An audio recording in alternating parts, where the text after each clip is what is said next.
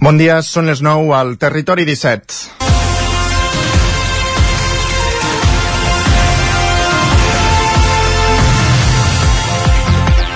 Ja us ho dèiem la setmana passada, el Servei Meteorològic de Catalunya qualifica la sequera actual com la pitjor mai viscuda al país des de que s'entenen dades. Des de la tardor del 2020 està plovent per sota de la mitjana i aquests 36 mesos dupliquen els 18 mesos de la sequera més important fins ara, la de l'any 2008. Des del servei diuen que les perspectives són negatives pel que fa a futures precipitacions, perquè no es veu la final d'aquest episodi mentre la Generalitat estudia noves mesures d'emergència davant tres anys de sequera acumulada, a Flora del Departament d'Acció Climàtica, un altre titular. Juntament amb el Bages i el Moianès, Osona està al podi de les comarques catalanes on la falta de pluja ha mort més arbres. La Conselleria calcula en concret que dues terceres parts dels boscos de la comarca d'Osona pateixen els efectes de la sequera. La Generalitat, doncs, ha incrementat la inversió en ajuts perquè propietaris particulars facin gestió forestal i retirin del dels boscos als arbres morts. Juntament amb les accions que es porten a terme a les finques públiques, l'objectiu és evitar accidents, reduir el combustible en cas d'incendi i aclarir les masses forestals perquè els exemplars vius sí que sobrevisquin. Sense anar més lluny, espècies com el pi roig no tenen futur a Osona. Els experts asseguren que territoris com aquesta comarca viuran un canvi de paisatge les dècades que venen i l'únic que podem fer és esperar pluges com Déu mana. És dilluns 20 de novembre de 2023, en el moment de començar el Territori 17, a la sintonia de Ràdio Cardedeu, Ona Codinenca, la veu de Sant Joan, Ràdio Vic, al 9 FM, i també ens podeu veure a través de Twitch, YouTube, Televisió de Cardedeu, el 9 TV i la xarxa més. I aquesta setmana, sense l'Isaac Moreno, us acompanyarem amb Miquel Jol als comandaments i el Sergi Vives al micròfon. Territori 17.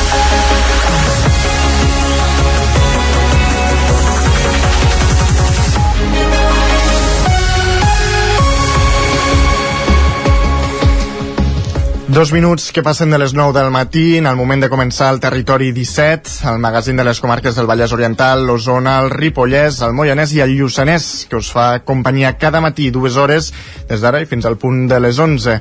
Amb, quin, amb quins continguts? Doncs fem un petit uh, sumari. En aquesta primera mitja hora abordarem les notícies més destacades de les nostres comarques, amb connexió amb les emissores del, que el dia a dia fan possible aquest programa també farem un cop d'ull al cel amb en Pep Acosta, el nostre home del temps, des d'una codinenca per avançar-nos la previsió meteorològica i acte seguit anirem fins al quiosc per repassar les portades dels diaris d'avui.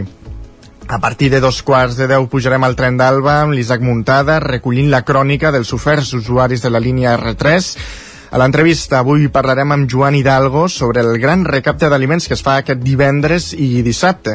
Roger Rams, dona Codinenca, serà l'encarregat de conversar amb ell. Tot seguit parlarem sobre una operació d'abdomen pionera al món estrenada a Mèxic a, a la bigatana Maria Rosa Vergés. Parlarem amb ella perquè ens expliqui aquesta història abans d'arribar a les 10 del matí. I un cop arribem a les 10 repassarem més notícies destacades de les nostres comarques, el temps, i serà torn del repàs esportiu. A dos quarts d'onze serà el torn d'en Guillem Sánchez, que ens portarà algunes piulades de la xarxa X, o com ja hem dit tota la vida, Twitter, i tot seguit arribarem a la recta final del programa amb la tertúlia esportiva, que ens deixa un clàssic femení amb singles blaugranes i també ens deixa a Gavi lesionat després del partit d'Espanya-Geòrgia. Ho comentarem a la tertúlia esportiva eh, i així arribarem al final de, del Territori 17 d'avui. Aquest és el menú del Territori 17 d'avui, dilluns 20 de novembre del 2023, i comencem a servir-lo a a servir-lo ara mateix amb les notícies més destacades de les nostres comarques, les notícies del Territori 17, les notícies del Vallès Oriental, Osona, el Ripollès, el Moianès i el Lluçanès.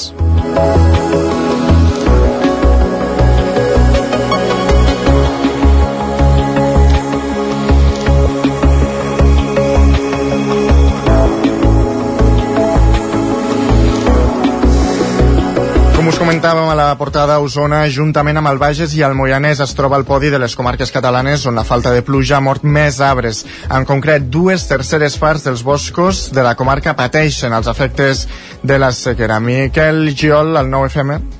Sabent que molts arbres continuen en peu després de morir, la Generalitat impulsa estratègies per tallar-los. Això és el que han fet en una finca privada a prop del Santuari de l'Ajuda, a Balanyà.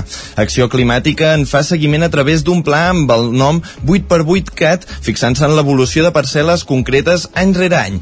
I és que el departament ha doblat de 3 a pràcticament 5,5 milions d'euros els ajuts que es gestiona per a finques particulars a través del Centre de la Propietat Forestal.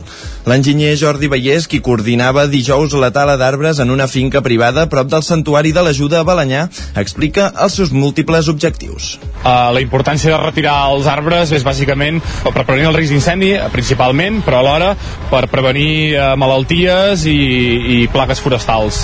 Uh, D'alguna forma el que intentem és adaptar aquest bosc a, a, a, al canvi climàtic i, i, i, i millorar-lo, diguem-ne.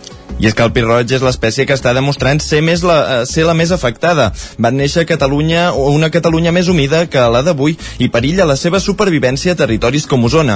De fet, Vallès assegura que la comarca viurà un canvi de paisatge a les dècades que venen. El que patirem aquí serà un canvi de paisatge. Passarem d'un bosc mixt de pirroig i alzina a segurament en uns anys en un alzinar i una roureda eh, en molt bones condicions. A, a la comarca d'Osona, diguem-ne que el pirroig està patint molt els efectes de la sequera i això fa que la seva distribució doncs canvi i, i, i veurem els següents anys com el paisatge canvia i tindrem nous, bos nous boscos com els inars i rouredes en espais on fins ara teníem la, molta presència del, del pirroig. Pensem que aquestes espècies doncs, van néixer, bueno, aquests pirroigs que, que estem tallant avui en dia, doncs van néixer en una Catalunya molt més humida de la que ara tenim i això fa que, doncs, que, que ara mateix estiguin patint les conseqüències d'aquesta sequera que, com dic, portem 3 anys acumulant. La, única solució a tot plegat recau en la pluja, malgrat que molts boscos ja no es podran recuperar. Si aquestes baixes precipitacions perduren en el temps, Acció Climàtica haurà d'extremar les mesures de prevenció d'incendis en una campanya forestal, diuen que es preveu delicada. I d'altra banda, el Departament d'Acció Climàtica està fent una campanya de tractaments aeris per controlar la processionària del pi i que la seva població sigui equilibrada i no excessiva. A Osona s'ha aplicat en 10 hectàrees de terreny. Osona és de les menys de, de les que han tingut menys tractament de les 8 eh, de les 8 de Catalunya, on s'ha portat a terme. S'aplica ara a la tardor en els primers estadis del desenvolupament de les erugues. En els últims anys les afectacions greus a les pinedes s'han reduït substancialment. La processionària té altres efectes més enllà de la de, de la defolició dels pins en les economies locals i en la salut de les persones i animals, ja que pot provocar urticària i al·lèrgies. Cap de setmana tràgic a les carreteres de l'entorn l'entorn de Sant Feliu de Codines, que ha acabat amb una nova víctima mortal a la carretera C59. Roger Rams, dona codinenca. Sí, exacte. Aquest diumenge ha estat una jornada negra a la xarxa viària de l'entorn de Sant Feliu de Codines. Al matí un ciclista ha resultat ferit lleu després de topar amb un cotxe a la carretera BP 1485, la que dona accés a l'espai natural de Sant Miquel del Fai. A primera hora de la tarda, un motorista ha mort a la carretera C59 a l'alçada de Sant Quirze Safaja, al Moianès. La víctima que viatjava sola ha mort com a conseqüència d'una sortida de la via al quilòmetre 28. L'accident s'ha produït a tocar de l'entrada nord del poble de Sant Quirze quan, per causes que encara s'estan investigant, al voltant de les 3 eh, de la tarda la moto de la víctima ha sortit de la carretera. Com a conseqüència d'aquest accident s'ha donat pas alternatiu i s'han mobilitzat fins a quatre patrulles dels Mossos d'Esquadra, una dotació dels bombers de la Generalitat i dues més del Servei d'Emergències Mèdiques. Amb aquesta víctima ja són 134 les persones que han mort a les carreteres interurbanes de Catalunya aquest any, 48 de les quals són motoristes. Pel que fa a la carretera C59, recordem que el darrer accident mortal a la, aquesta via eh, va ser el 7 d'octubre, quan un motorista també va morir com a conseqüència conseqüència d'un xoc frontal, en aquest cas al terme municipal de Caldes de Montbui. I aquest cap de setmana, familiars i amics s'han acomiadat del rodenc Joan Rosanes. I és que dijous, a l'edat de 58 anys, va morir. Era una persona coneguda per la seva llarga trajectòria en l'hoquei osonenc, entrenant tant en categories de base com en primeres plantilles. Al llarg de la seva carrera va entrenar en clubs com el Roda, el Vic, el Taradell, el Manlleu, el Sant Feliu de Codines o el Tona. El seu vincle amb l'esport de l'estil i, i els patins de quatre rodes va començar a les pistes ja quan va ser porter del Roda i el Taradell.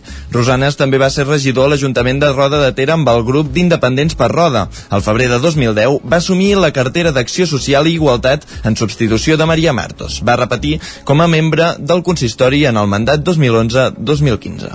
L'antiga aigua del Montseny ha rebut l'ordre de part de l'Ajuntament de buidar el magatzem de manera definitiva, executant així el decret d'alcaldia de 8, del 8 d'agost. Enric Rubio, Radio Televisió de Cardedeu.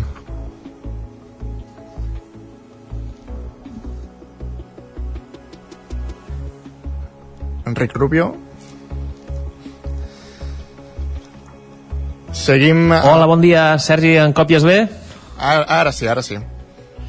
Sí, és que ho sentia bastant malament. Disculpeu, així és, Sergi, des del consistori de Sant Esteve a Tordera s'ha fet públic un comunicat en el que s'indica que després del decret d'alcaldia signat el 8 d'agost d'enguany, en què requeria l'empresa Font d'Agudes S.A., titular de les instal·lacions de l'antiga Aigua del Montseny, aturar l'activitat i a la vista que encara no s'han aportat els documents necessaris demanats pels serveis tècnics, des de l'Ajuntament s'ha ordenat el buidatge immediat del magatzem per tal de donar compliment al cessament definitiu del,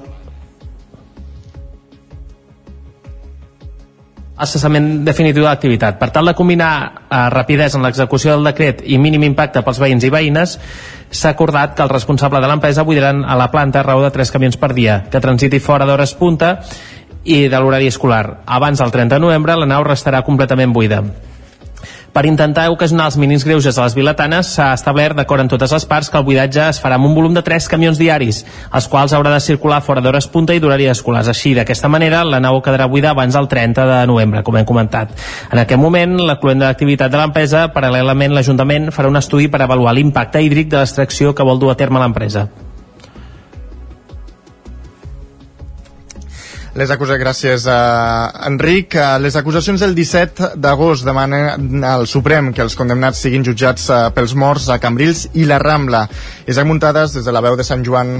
Les acusacions particulars dels atemptats del 17 d'agost del 2017 a Barcelona i Cambrils van reiterar dimecres al Tribunal Suprem que els tres condemnats per aquests fets ho havien de ser també per les morts de la Rambla de la capital catalana i el passeig marítim de la localitat del Baix Camp. Segons els advocats de diversos Mossos d'Esquadra ferits, els tres condemnats van ser imprescindibles per cometre els atemptats i, per tant, han de ser jutjats un altre cop, incloent aquest delicte. Els ripollesos Mohamed Houli Shemlal i Drisu Kabir van ser condemnats a 43 i 36 anys de presó, respectivament, després després que l'Audiència Nacional el rebaixés 10 anys la pena inicial. Les defenses van demanar l'absolució de la rebaixa de penes, segons explicava l'Agència Catalana de Notícies. Said Ben Yaza va ser condemnat a 8 anys per col·laboració amb organització terrorista, però ja ha sortit de la presó, i el límit de compliment pels altres dos és de 20 anys. La Fiscalia, la Generalitat, els Ajuntaments de Barcelona i Cambrils, associacions de víctimes del terrorisme i altres acusacions particulars, es van oposar als recursos de les defenses, que en demanaven l'absolució. Algunes de les acusacions van demanar mantenir la sentència en segona instància de l'Audiència Nacional i altres es van adherir a la petició de repetir el judici per condemnar-los pels assassinats amb motivacions terroristes. L'acusació particular exercida pels pares de Xavi Martínez, el nen de 3 anys mort a la Rambla, va insistir que cal investigar més a fons si l'imam de Ripoll, Abdelbaki Essatí, realment va morir en l'explosió del Canà o si tenia contacte directe amb els serveis secrets espanyols.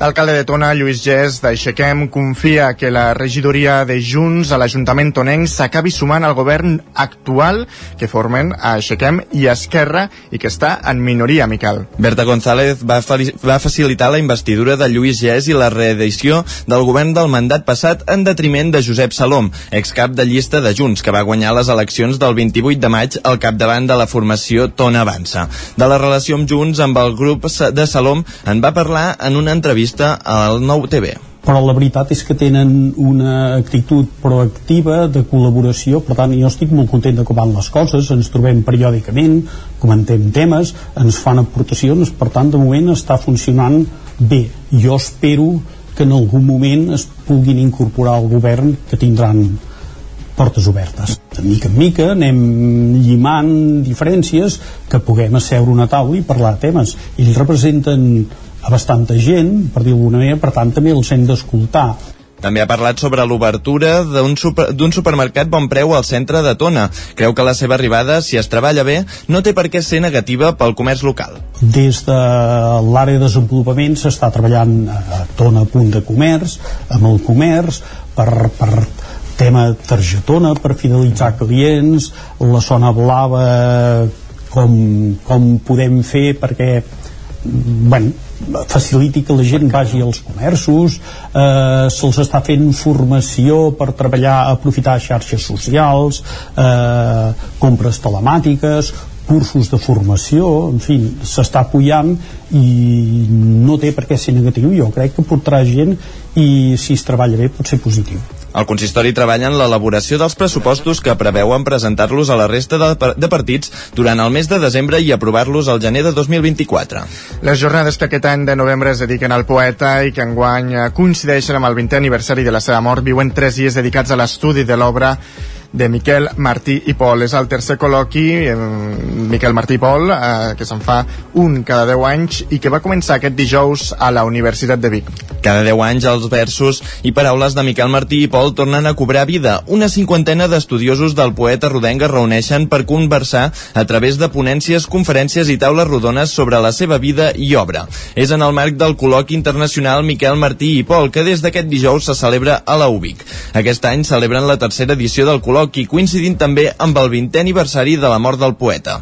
L'objectiu és impulsar l'estudi de l'autor i de la seva producció en el marc del seu temps i context literari, cultural, social i polític amb la, amb la voluntat de continuar avançant amb rigor acadèmic. Ho explica la directora de la, de la càtedra Verdaguer, Maria Àngels Verdaguer. Destaquem una mirada transversal i polièdrica sobre l'escriptor, és a dir, la mirada d'ell a través de la traducció, de l'edició, de l'educació, de la música i, naturalment, de la literatura, a través de la literatura. Però no és un col·loqui exclusivament literari. Remarquem sobretot l'interès per estudiar les relacions d'ell, Miquel Martí Pol, amb altres escriptors o, o, o artistes, per exemple, estudiant els epistolaris o les influències d'ell als altres, eh, als altres escriptors d'aquí i de fora i com se l'han apropiat l'amor, l'amor, la mort, l'envelliment o la malaltia. El rodenc posava sobre la taula temes que no caduquen i aquest punt, precisament, és clau per continuar interpel·lant els joves, segons Jordi Larios de la University of St. Andrews. Crec que la gent que llegeix poesia és, eh, és molt poca, eh, però si el jovent d'avui en dia s'interessa per la seva obra, segur que l'interpel·larà. No? Crec que és un poeta que, que es fa llegir, és un poeta que, com et deia, s'entén. Hola a tothom. Eh, Aquí és un poeta, a més a més, que diu coses molt interessants uh, sobre la seva vida, sobre la vida dels altres, sobre la vida de la gent normal i corrent. Les sessions d'aquesta edició es clausuraran a la seu de la Fundació Miquel Martí Pol amb una conferència de Francesc Codina sobre el poeta en el seu context del seixantisme. Acabem aquí aquest repàs informatiu. Anem a saber com està el temps.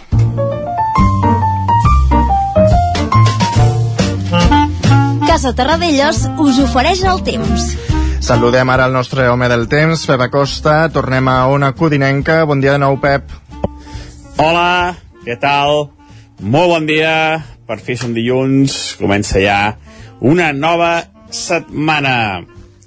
I ho fa després eh, d'un cap de setmana que meteorològicament eh, ha estat marcat una altra vegada ja és l'anèssim cap de setmana, ja és l'anèssim dia, ja és l'anèssim de tot, eh, marcat per unes temperatures clarament més altes del normal, ben bé 7-8 graus més altes del que haurien de ser, eh, i també eh, marcades, eh, això ja cada dia, marcat eh, per aquesta sequera que es va eh, aguditzant eh, cada dia més mm, com deia, unes temperatures ben bé això, eh, 6-8 graus més altes del normal, moltes màximes per sobre els 20 graus, tant dissabte com ahir, mínimes també, eh, moltes entre els 5 i els 10 graus, molt poques glaçades, ni a molt alta muntanya no hi ha glaçades, eh, són notícies eh,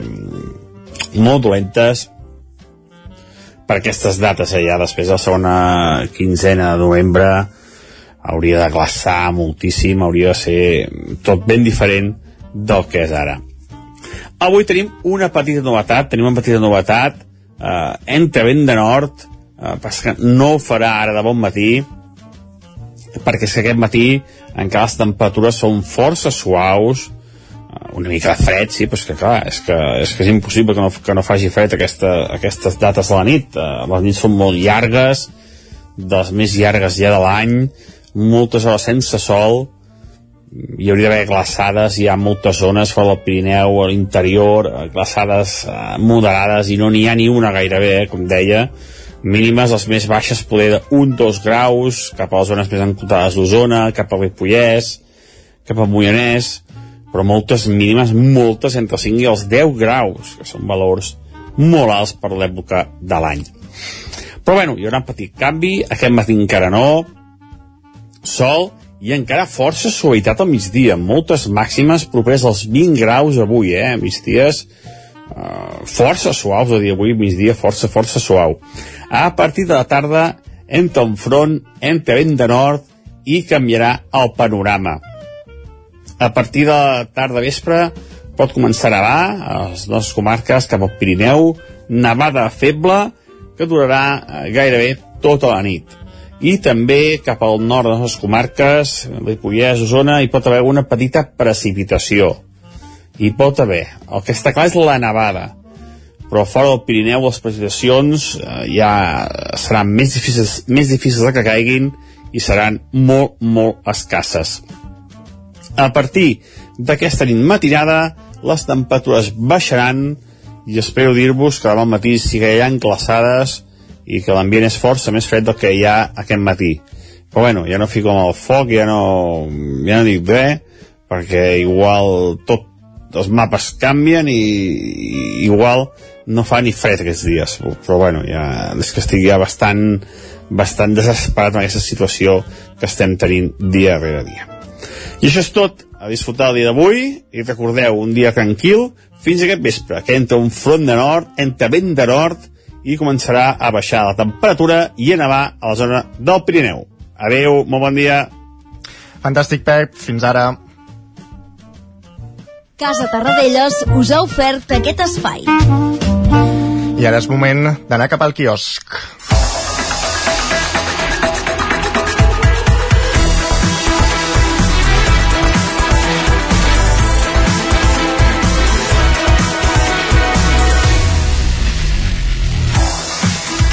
Miquel Giol, bon dia de nou. Molt bon dia, Sergi.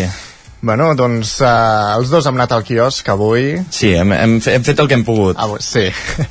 A veure, avui és dilluns, per tant, uh, comencem repassant uh, portades del 9-9. Doncs mira, d'entrada, el 9-9 d'Osona i el Ripollès destaca que més d'una trentena d'osonencs i ripollesos amb causes pel procés es, podrien es poden beneficiar de l'amnistia. Afectaria des de Marta Rovira fins als acusats de sabotejar la Vuelta o l'operació Judes contra Xevi Buigas.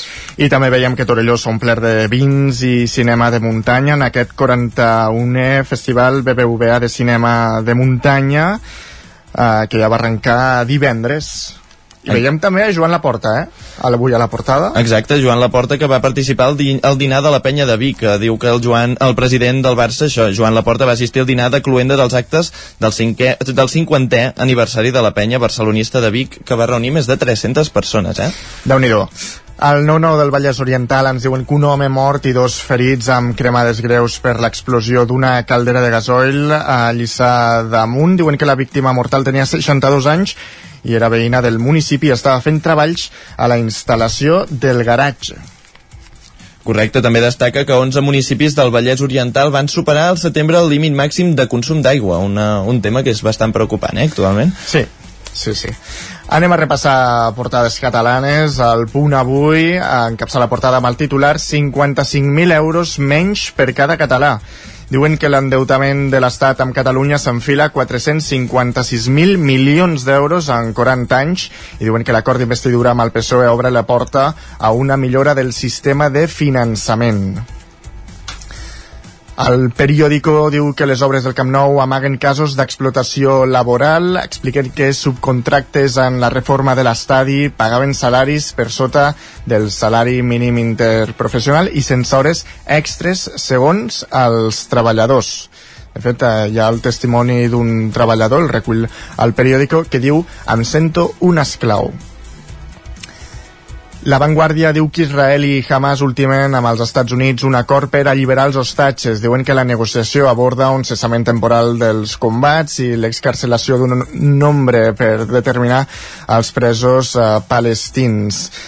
Mm, per altra banda, destaquen aquest uh, 5 a 0 al clàssic uh, femení, on el Barça, doncs això, va fer una maneta a l'estadi Lluís Companys.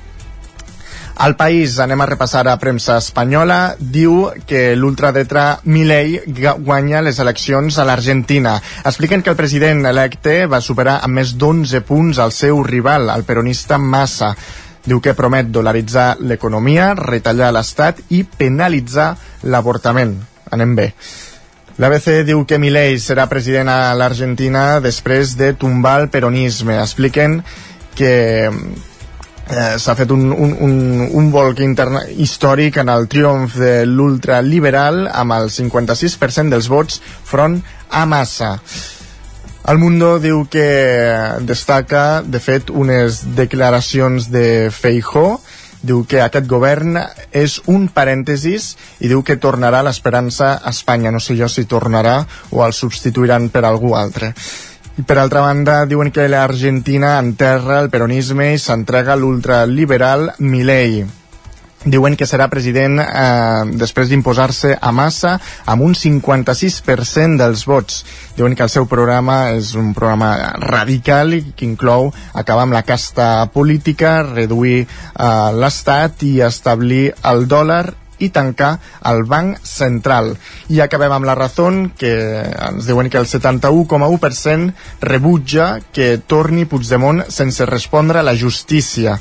Diuen que el 64% dels enquestats censura que l'amnistia sigui el punt de partida de la legislatura i per altra banda el 65,5% recolza les protestes, el 83,8% veu una legislatura complicada i la meitat que no arribarà als 4 anys. Aquestes són les portades uh, d'avui. Uh, nosaltres uh, tornem d'aquí 3 minuts, fem una petita pausa de 3 minuts i tornem amb l'entrevista.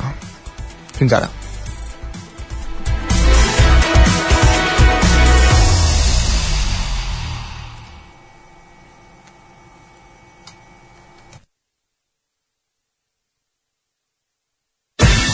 El nou FM, la ràdio de casa, al 92.8. Per moure't, lloga un cotxe ALR. Per moure la família, lloga un minibús ALR. Per moure coses, lloga una furgoneta ALR. Per moure la casa, lloga un camió ALR. Lloguer de cotxes, furgonetes i camions ALR.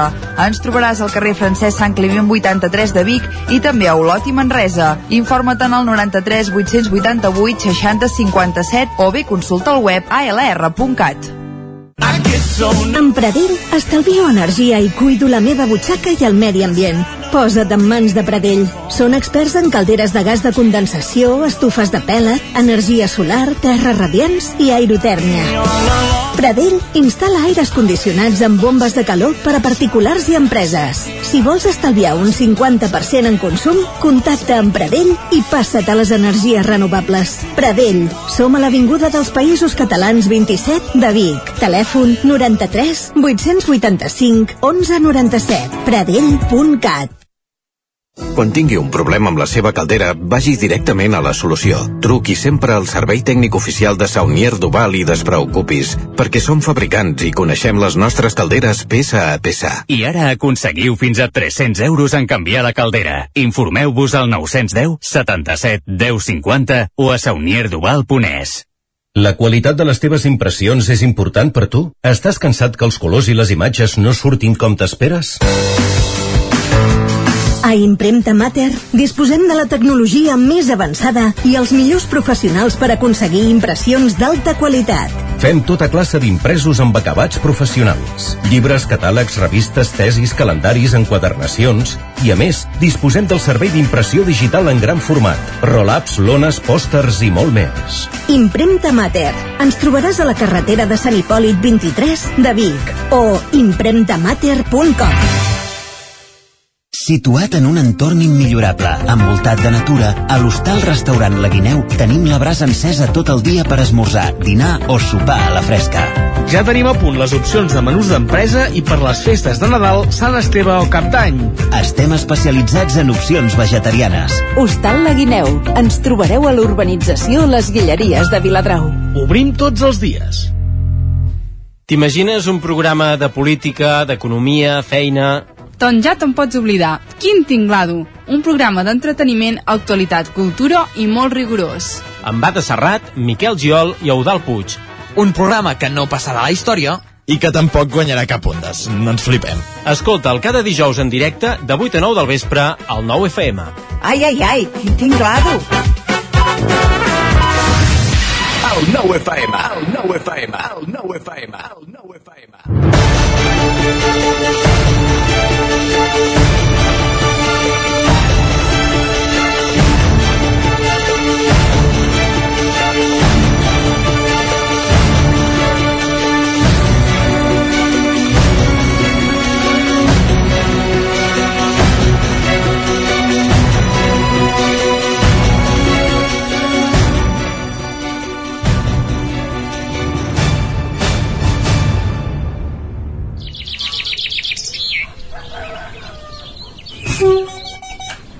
A Tren d'Alba. Cada dia els usuaris i usuàries de la línia R3 de Rodalies que veuen sortir el sol des d'un vagó ens expliquen les gràcies i les penes del primer comboi que uneix Ripoll i Barcelona o les feixugues jornades amb el tren després de treballar.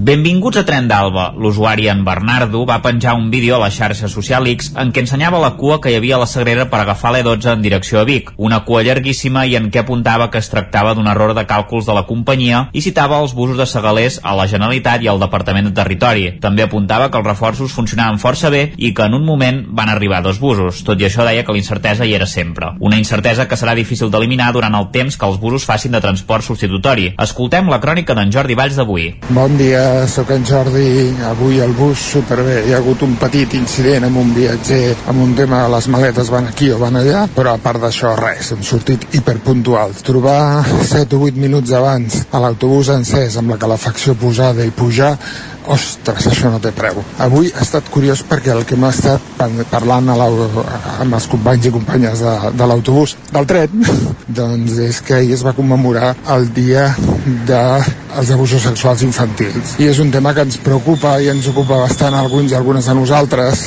i algú deu pensar, ah, però això no serà per tant. Doncs va, algunes dades. Un de cada cinc canalles ha patit pateix o patirà abusos sexuals infantils. Un de cada cinc. O sigui, imagineu-vos, tanqueu els ulls, imagineu cinc canalles que coneixeu, doncs una és possible que, que ho pateixi. Per un altre costat, hem de tenir en compte que el 98,5% és els homes i dintre de l'àmbit familiar. Per tant, anem sempre al mateix problema, que és el tema de les violències masclistes. No sé, hem estat donant-li voltes al tema, ha estat interessant, fins que, com sempre passa, a l'entrar a Barcelona ens hem adormit. Res més, vinga, cuideu-vos, bona setmana. Doncs una dada que fa pensar, Jordi, un de cada cinc nens i nenes patirà abusos infantils al llarg de la seva vida. És molt realment, i s'hauria de portar algun tipus de solució a aquesta plaga, no es pot consentir. Va, ens retrobem demà amb més històries del tren i de l'R3. Passen 3 minuts de dos quarts de 10.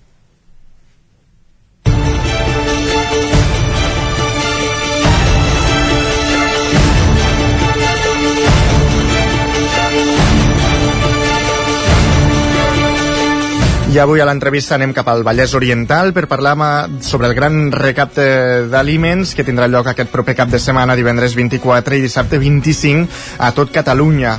De com es prepara aquest esdeveniment al Vallès Oriental i de quina és la situació del Banc d'Aliments n'ha conversat amb Roger Rams des d'Ona Codinenca amb Joan Hidalgo, responsable d'aquesta entitat a la comarca. Doncs avui ens acompanya als micròfons d'Ona Codinenca el delegat del Banc dels Aliments al Vallès Oriental, el senyor Joan Hidalgo, per parlar, per conversar del gran recapte que arriba un any més a casa nostra. Joan Hidalgo, bon dia, benvingut. Hola, bon dia, bon dia. Avui, com dèiem, volem eh, parlar amb vostè del Banc dels Aliments, vostè és el delegat a la nostra comarca eh, d'aquesta aquest, entitat, i volíem parlar del gran recapte que tindrà lloc els propers 24 i 25 d'aquest mateix mes de novembre. Primer de tot, eh, senyor Hidalgo, expliqui'ns una mica com s'organitzarà en guany el gran recapte. Bé, aquest any el gran recapte és un... sempre ha sigut important per nosaltres, però aquest any té un plus afegit, donat que bueno, entrem en una fase, a, propera, a partir de l'any vinent, entrarem una, en una fase d'una miqueta més restrictiva perquè les aportacions que hi havia per part de la Unió Europea finalitzen. Llavors, sí, eh, per tant, eh, hi haurà una aportació d'aliments mm, bastant més reduïda. Per tant, intentem que aquest any fer un esforç una mica afegit per intentar recollir una mica més de productes, per allargar una mica més el contingut, sobretot en el primer trimestre i si ho podem allargar a part del segon del proper any. Uh -huh. uh, si li sembla, uh, ho havíem deixat per més endavant, però ho, ho agafem ara i després de seguida seguim amb el fil d'aquest gran recapte d'aquest mes de novembre. Ara comentava el fet de que la Unió Europea deixarà, uh, tinc entès que a partir de, de l'any vinent, ja, ja mateix, uh, de fer aportacions que fins ara feia amb, amb menjar, ens hem d'imaginar, i passarà a donar uh, targetes moneder, eh? Correcte, sí, la Unió Europea sabem que funciona per plans quinquenals i de fet aquest any el 2023 ja, diguéssim, està donant residus, perquè el programa hagués acabat el, el, acabava el 22, passa que va haver-hi un remanent i es va allargar fins al 23. De fet, aquest any ja la Unió Europea, en lloc de donar tres, de fer tres aportacions, n'ha fet dues. Recordo una mica que l'estructura d'aportacions de productes a l'entitat era un trimestre era el gran recapte per part del Banc dels Aliments i tres trimestres era la Unió Europea era l'any que arribava producte de manera, diguéssim, eh, generosa. A banda de lo que cada entitat va recollir cada mes a Barcelona, tant de fresc com de sec, com de congelat, que són per al dia a dia, no? Però el que és la, la part forta estava desglossada d'aquesta manera. Tres aportacions per part de la Unió Europea i una que era la que organitzava el banc a través de la gran recapta. Aquest any ja només n'ha donat dues. En va donar una al primer trimestre i n'està donant una altra ara que estan, ho estan rebent les entitats. Ja aquestes dues aportacions han sigut molt, molt reduïdes comparativament amb el que arribava a les aportacions normals d'altres anys. El primer trimestre del gener va arribar a poder un 25% del que arribava normalment i ara ha arribat un 50-60%. A més a més, sense llet, sense oli, vull dir, hi ha una sèrie de productes que ja no venen, i llavors a partir del, del proper any es genera el que ja diuen la targeta moneder que de moment encara és una mica una incògnita com anirà ben bé del tot perquè no està clar, no està prou definit qui seran els beneficiaris i com es distribuirà. Mm. En aquest moment s'està organitzant, s'està parlant d'unes quantitats de diners, però en termes generals, en termes generals es parla de que la targeta moneder només podrà cobrir entre un 10 i un 15% de beneficiaris del que està s'estan beneficiant ara, o sigui, del, del que reben ara per part de la Unió Europea. I que hi ha una, marma, una merma considerable d'aportació per part de la Unió Europea. Hmm. Per tant, suposo que ho hauran notat ja especialment en el banc. Bueno, ja s'està notant, s'està notant perquè ja et dic que aquest any s'ha fet dues aportacions en lloc de tres i aquestes dues aportacions, diguéssim, en conjunt general seria un 50% de lo que arribava amb, amb anys anteriors. Mm. Per, per tant, per tal de revertir una mica o, o, o de pal·liar una mica els efectes d'aquesta tancada d'aixeta per part de, de la Unió Europea, que això seria un altre debat, però eh, el podem tenir més endavant. Eh, com una mica l'objectiu de, del gran recapte suposo que és eh, recollir, si és que es pot, si és que la població així ho col·labora, eh, més que altres anys per tal de, de pal·liar doncs, aquest, aquesta no entrada d'aliments. Bueno, doncs sí, més o menys seria això intentar compensar una mica, com deia, a partir del proper any, que hi havia per part de la Unió Europea, el primer trimestre la Unió Europea no donava res, perquè era el, el, el, el que recollia de la gran recapta, vull dir, el que recollíem ara en el mes de novembre, final de novembre, que és quan es fa la gran recapta, compensava el primer trimestre de l'any. A partir del segon trimestre, tercer i quart, era quan donava la Unió Europea. Llavors, a partir del primer trimestre, eh, eh les entitats diguéssim, repartiran el, el que es recull de la gran recapta.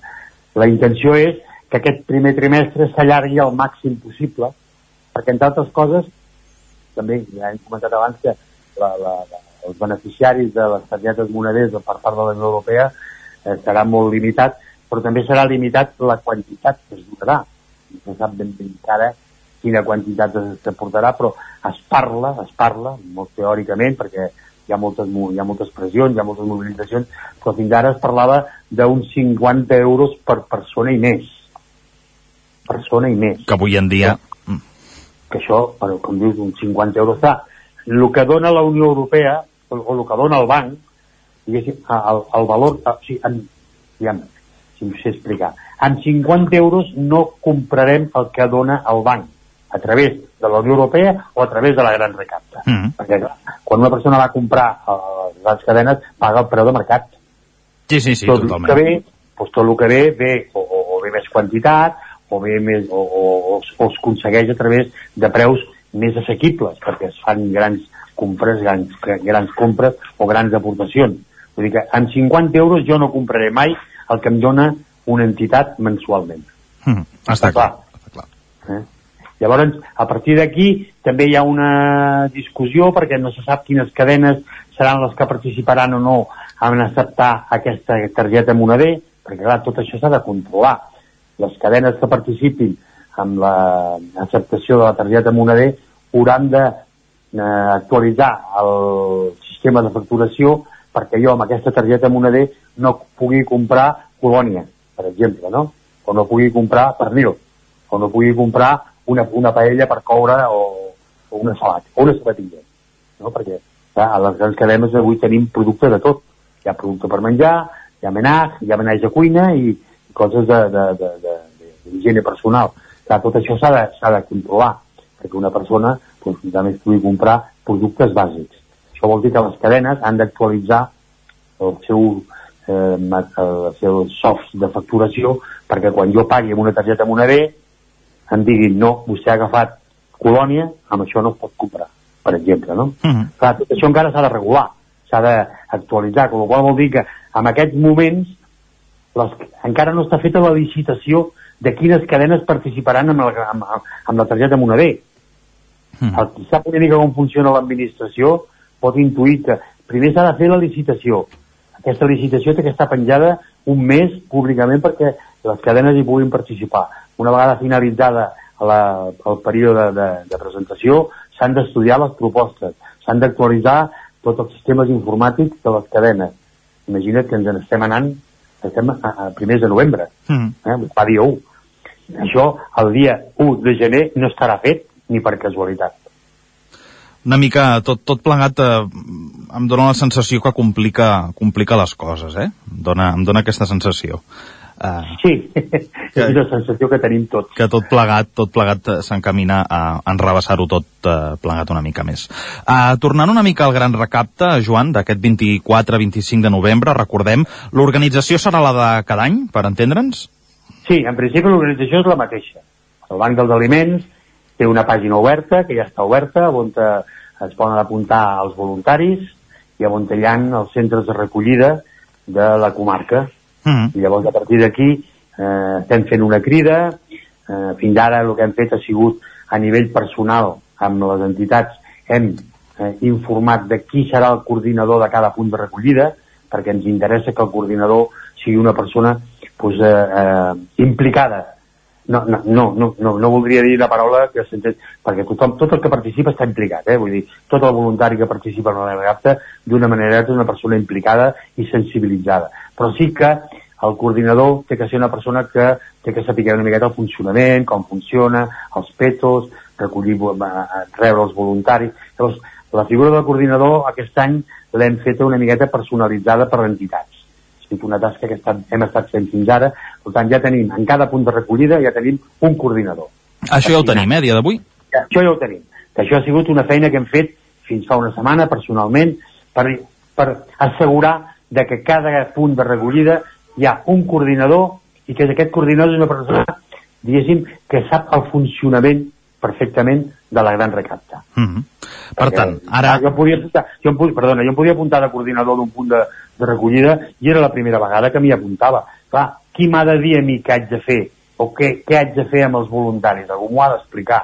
Llavors ho hem volgut assegurar fent prèviament que tots els coordinadors ja siguin persones que d'una manera o altra estan més implicades amb les entitats que són les que fan la recollida. Mm -hmm. I això ja ho tenim lligat ara. Avui, avui, avui per avui estan tots els punts de recollida tenen el seu coordinador.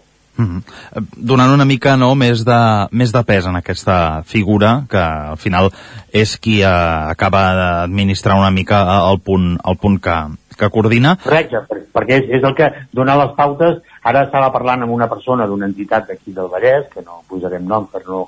Però que, clar, venen escoles, venen alumnes, ve gent... Clar, hi ha d'haver una persona que coordini, que marqui les pautes de funcionament i que, bueno, doncs en un moment determinat les persones que van, la, les persones que quan anem a comprar al súper i ens donen una bossa per col·laborar, una de les preguntes que es fa sempre és què necessiteu? No? Mm. Perquè clar, bueno, doncs, hi ha una persona que diu, mira, preferentment necessitem això, això, això, això, que cal dir-ho, oli, llet, que ara, això avui en dia, l'oli és l'or preuat, no?, perquè no n'hi ha, llet, doncs llavors conserves, eh, cuites, llegums, cuites, i llavors pasta. Mm -hmm. Per tant, ara, ara Joan, per, perquè l'audiència ens entengui una mica, el que principalment us falta, diguem així, eh, és eh, els voluntaris que, que estiguin al punt eh, de recollida? Correcte. Ara en mm. aquest moment està a la pàgina web, jo tinc la pàgina web oberta aquí en aquest moment, i tenim, eh, el, estem mirant els voluntaris que s'estan apuntant. Tots just han començat, però bueno, ja comencem a tenir voluntaris.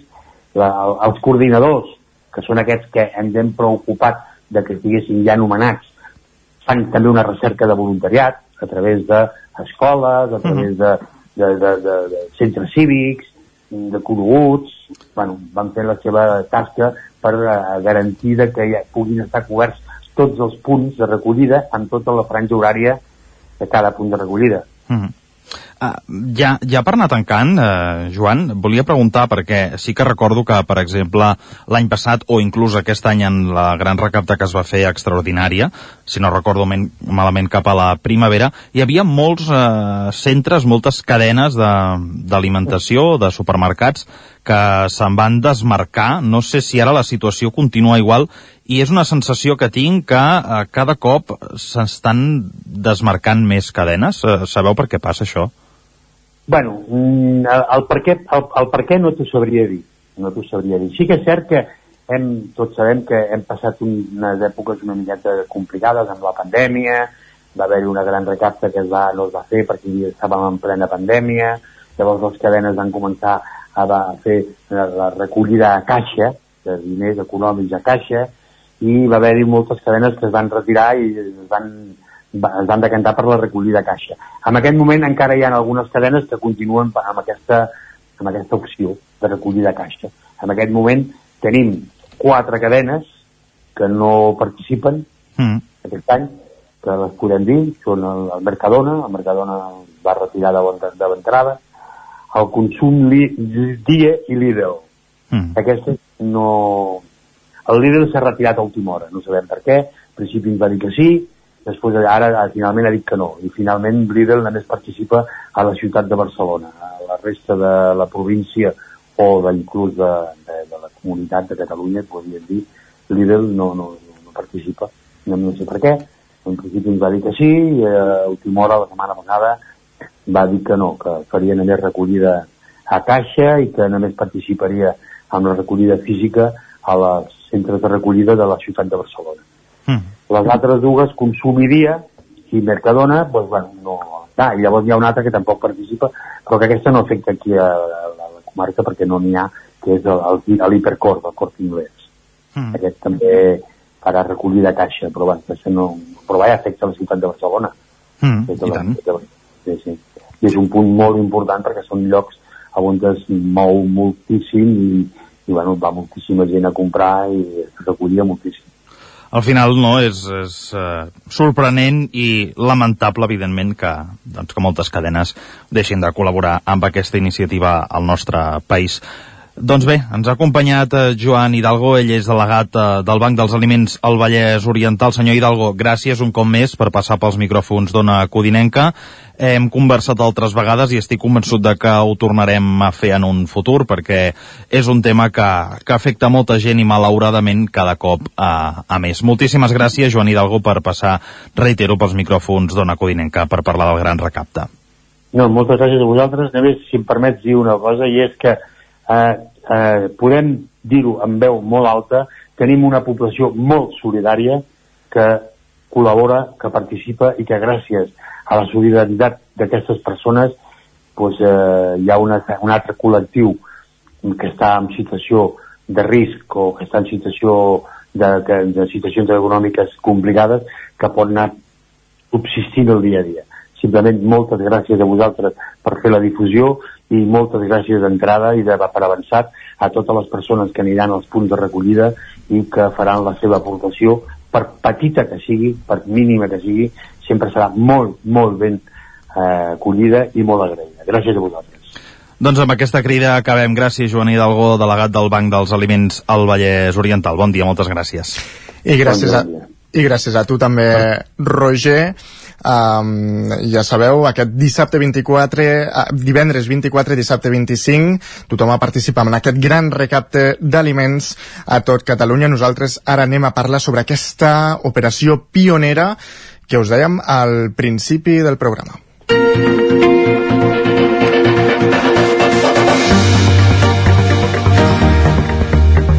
I és que l'Hospital eh, de Sant Pau de Barcelona ha realitzat per primera vegada a tot el món una reconstrucció d'abdomen fent servir teixit muscular de l'esquena, nervis i una vena de la cama. La pacient, que és bigatana, convivia amb les seqüeles d'un accident greu que va patir ara fa 4 anys a Tenerife i avui la tenim aquí a l'altra banda del fil telefònic des de Barcelona on resideix. Bon dia, Maria Rosa. Bon dia. Primer de tot, eh, com estàs? Recuperada? Al 100%, estic molt bé ara, puc fer vida absolutament normal, estic perfecta. Fantàstic, ens, ens alegrem. Uh, sobre aquesta cirurgia pionera en parlarem d'aquí uns minuts. Abans, però, anem a posar una mica de context perquè tots ho puguem entendre millor. Tot va començar, Maria Rosa, a finals de l'any 2019, quan pateixes un accident de cotxe, tal com dèiem, a Tenerife, no? Què, què va passar? Mira, uh, vam anar amb l'Inserso, a Tenerife, però pel nostre compte vam llogar un cotxe i vam pujar al Teide. I quan baixes al Teide es veu que passa sovint que com entorboleixes, perquè com que hi ha tanta distància són molts metres. Uh -huh. Total, que vam, ens vam com endormiscar, vam tenir un accident i bé, jo d'allà ja em vaig despertar amb una UCI, per dir-ho d'alguna manera. Vaig rebre un cop molt fort a l'abdomen, amb i eh, diguéssim la, la musculatura se'n va malmetre però també a l'intestí que me'n van haver de treure un metre i mig i a partir de llavors jo anava amb os de colostomia i la panxa que m'anava creixent perquè la musculatura no m'aguantava els intestins, per dir-ho d'alguna manera. Clar, això t'anava a preguntar quines, quines van ser les conseqüències, de, de quina forma aquest accident et va canviar la teva rutina? Home, jo vaig passar de ser una dona jubilada però activa a ser un malalt, perquè clar, jo en aquell moment tenia, no em vaig jubilar amb 60 perquè era prou fer. Llavors jo en aquells moments devia tenir 63, em sembla que tenia sí, 63 anys, i feia vida, m'ho passava, vaja. I llavors vaig passar a ser molt dependent, perquè clar, jo molt, moltes coses no les podia fer, no em podia, em podia, podia fer vida, eh? podia anar a passejar i així, uh -huh. però no podia fer pràcticament res més uh, perquè la, la panxa m'anava creixent i a més a més era molt incòmoda vull dir, no tot em feia mal, vull dir, estava malament i clar, per millorar eh, el seu estat de salut, l'Hospital Sant Pau de Barcelona va veure factible posar en pràctica una intervenció capdavantera. Sí, però jo això, a, a mi a Sant Pau em van dir posarem una malla i com fan en la majoria de casos d'aquests, eh, quan la musculatura de l'abdomen amb petites dosis, per dir-ho d'alguna manera, queda més, et posen una malla que t'aguanti els intestins i poca cosa més. Però jo em pensava que em farien això i tot plegat em van trucar i em van dir hem canviat d'opinió, hem pensat fer-te un, però jo no sabia que fos ni pioner ni que fos una cosa tan extraordinària. Clar, sabia, sí que pensaves que era una cosa normal, no? O... Sí, jo pensava, sí que és cert que em van dir, en lloc de 4 hores, com t'havíem dit en principi d'operació, seran moltes més. Però jo vaig dir, però hi ha perill que m'hi quedi? No perquè clar, jo a diferència dels altres casos que han fet, eh, jo no tenia càncer, jo era un accident i llavors, clar, jo eh, la recupera... o anava bé o anava malament, però en tot cas perill no en tenia cap ni un. Que quedat com en principi havia d'haver quedat. Perdona. Mm, perquè tots els oients eh, sapiguin de què estem parlant, aquesta operació consisteix en l'extracció d'un múscul prescindible de la cuixa o de l'esquena per col·locar-lo a l'espai afectat i tot seguit reconnectar els vasos sanguinis i els nervis perquè el múscul exerceixi la seva funció en un entorn corporal diferent a l'habitual i no s'atrofiï es quedi rígid. Com, com la va viure aquesta operació? A mi em van treure, es veu que els doctors diuen que quan és poca vull dir que no és molt, molt gran, ho treuen de la cuixa, però en el meu cas, com que era una zona àmplia, m'ho van treure de l'esquena. Llavors, jo l'operació la vaig viure molt bé, perquè quan em vaig despertar em vaig veure que la panxa era baixeta, que no em feia mal, els hospitals no et deixen patir, però a més a més que no em feia mal res, clar, el que sí que em va passar després de l'operació és que jo no em podia moure, vaig estar uns dies mirant el sostre, per dir d'alguna manera, perquè clar, la musculatura i tot s'havia de posar al seu lloc. Però jo vaig viure molt bé, jo ja vaig... Sortint de l'operació ja vaig ser una dona feliç. I, i de fet l'operació es va fer a principis del gener de l'any passat i ara deies que els primers dies això vas, vas haver de, de reposar però aquesta recuperació com va ser? Va ser llarga o, o no? A veure, la, a mi el que m'ha passat amb tot aquest procés és que m'ha enganxat una cosa que ens ha enganxat a tots, però a mi més, i és la pandèmia. Llavors, just el, després de l'accident em vaig veure ja estàvem confinats, vam haver d'acabar de confinar del tot perquè ens vam confinant a tots, però resulta que quan em van fer l'operació eh, tornaven a estar als hospitals tancats i llavors jo no podia rebre visites i durant 15 dies, com aquell que diu mirant el sostre, jo faig la broma de dir que canto fatal, però cantava per passar les hores. Els primers dies ni menjava, bé, no, no és que no mengés, és que no em deixaven menjar ni beure, perquè en clar amb tot aquest procés cal afegir-hi que jo tenia els intestins fumuts també, Clar. llavors havia de, també de rehabilitar. Per tant, vaig ser 15 dies, però els, tinc molt bon record, que veia que la cosa anava molt bé i que que et sortiria nova, vaja. Però bueno, tot ha acabat sent un èxit. Sí, jo ara ja torno a ser la mateixa. Jo sempre dic el mateix, torno a ser la mateixa d'abans, però en quatre anys més, que això també cal comptar-hi, eh? Clar. quatre anys més i clar, una ja no, ja no té...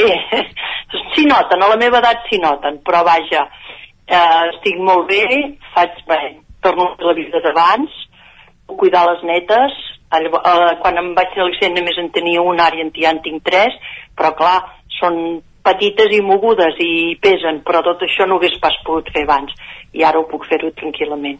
Deus... A part de que camino, nedo, faig moltes activitats que, va, que també feia abans de l'accident. Dius, ets la, ets la mateixa de fa 4 anys, amb 4 anys més, eh, per tant, no t'ha quedat cap seqüela? Home, l'única seqüela que tinc física, per dir-ho d'alguna manera, és que estic sorgida de dalt baix. Tinc una, una, ara no sortirà la paraula, com es diu això, un, a l'esquena, uh Mhm. -huh. d'haver-me tret eh, una costura no és la paraula, és que ara no em surt. Una, és igual, tinc a la panxa, a la cama, a tot arreu tinc, tinc restes, clar, de l'operació. Vale. Cicatrius. Digue'm la paraula que s'ha de dir, és que no em surt. Cicatriu, carai. Cicatriu, cicatriu. Ara això. Tinc cicatrius a l'esquena, a la panxa i a la, i a la cama. Però passat d'això res més puc fer. Els metges em diuen absolutament normal la vida i jo la faig. Clar, una vida normal, de, i de fet deixa'm explicar una anècdota, perquè quan et vaig trucar per poder quadrar aquesta entrevista em vas dir ostres, si l'hem de fer a aquesta hora hauré d'anul·lar la reserva del gimnàs. Per tant, Maria Rosa, sí. si vas al gimnàs això vol dir que estàs recuperada al 100%. Sí, però el que no, no et vaig dir l'altre dia, que s'ha fet posteriorment, és que no podia anar al gimnàs perquè tinc una neta malalta. O sigui Ah. que per, he hagut d'enviar el marit a cuidar la neta i ara n'hi ha jo una estona. Però, bé, ell, ell també la cuida, eh? Ens ho repartim, però avui to hagués tocat a mi. Però vaja, jo no, exacte, et vaig dir això, que no, jo vaig al gimnàs, vaig a nedar, sí, almenys tres cops per setmana. Clar, ets- ets una dona esportista, una dona activa, però clar, després de patir aquest accident l'any 2019, eh, com ho vas portar mentalment, el fet d'aturar de cop tota aquesta activitat? ja et dic que ens va enganxar a tots perquè ens va enganxar la pandèmia jo greujada perquè a més a més jo ho vaig portar fatal uh, me'n recordo que uh, vaig estar un mes ingressada a Tenerife i llavors vaig venir a Sant Pau uh, i deia agafa, és que no vaig voler ni el mòbil ni la tablet, res. Jo estava no tenia ganes, tenia visites perquè llavors es podien tenir visites però estava molt fotuda física i mentalment. Ja, ja no, ja estic ben recuperada totes les maneres, física i mentalment. I realment a Sant Pau un 10, eh? Un 10 tothom, els metges, les infermeres, el, les auxiliars, el personal, que, el, els, els, els camilleros que dic jo, el, a més a més hi ha serveis que estan molt bé perquè després un cop surt de l'hospital tens unes infermeres la primera vegada que jo anava a l'hospital em curaven després venien unes infermeres a casa de la segona vegada o sigui que estàs, vaja estic super super contenta de l'hospital Maria Rosa, tothom. Doncs ens alegrem que hagis pogut recuperar la teva rutina i que formis part d'un procés capdavanter en l'àmbit de la medicina, encara que sigui com a pacient.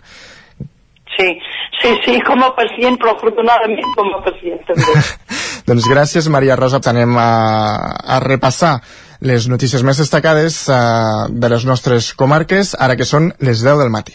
Territori 17.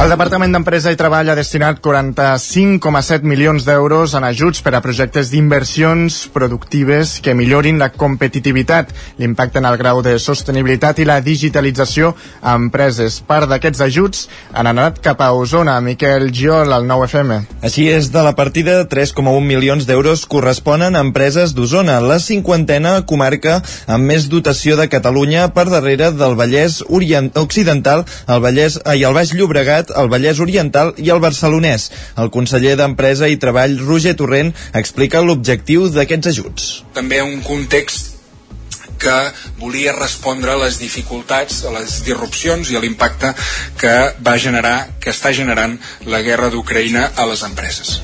Increment de preus de matèries primeres, l'increment dels costos eh, energètics, En total s'han beneficiat 30 empreses de les comarques centrals. Majoritàriament es tracten d'empreses petites i mitjanes que consolidaran més de 2.600 llocs de treball i en crearan 136 de nous. Al conjunt del país, les empreses beneficiàries han estat 205, que es consolidaran més de 19.000 llocs de treball i en crearan més de 1.400. dificultats que feien, que fan que agafem aquest marc d'excepcionalitat també nosaltres per intensificar el nivell d'ajudes, per intensificar aquesta, aquest acompanyament a la indústria que evidentment viu aquestes dificultats. A escala nacional, els sectors que han rebut més ajudes ha estat la indústria de productes alimentaris, la fabricació de productes metàl·lics i la indústria, i, i, i la indústria química.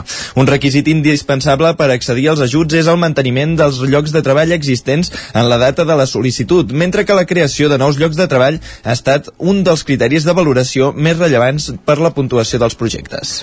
L'Ajuntament de Centelles formalitza la compra de l'antic complex industrial del vapor a Estabanell i País a Miquel. L'adquisició amb els termes ja estipulats abans de les eleccions municipals s'ha fet per 1,89 milions d'euros amb l'objectiu d'esponjar el centre del poble. Es pretén millorar la mobilitat i acabar de vestir l'illa cultural que s'està configurant amb equipaments com el Palau dels Comtes.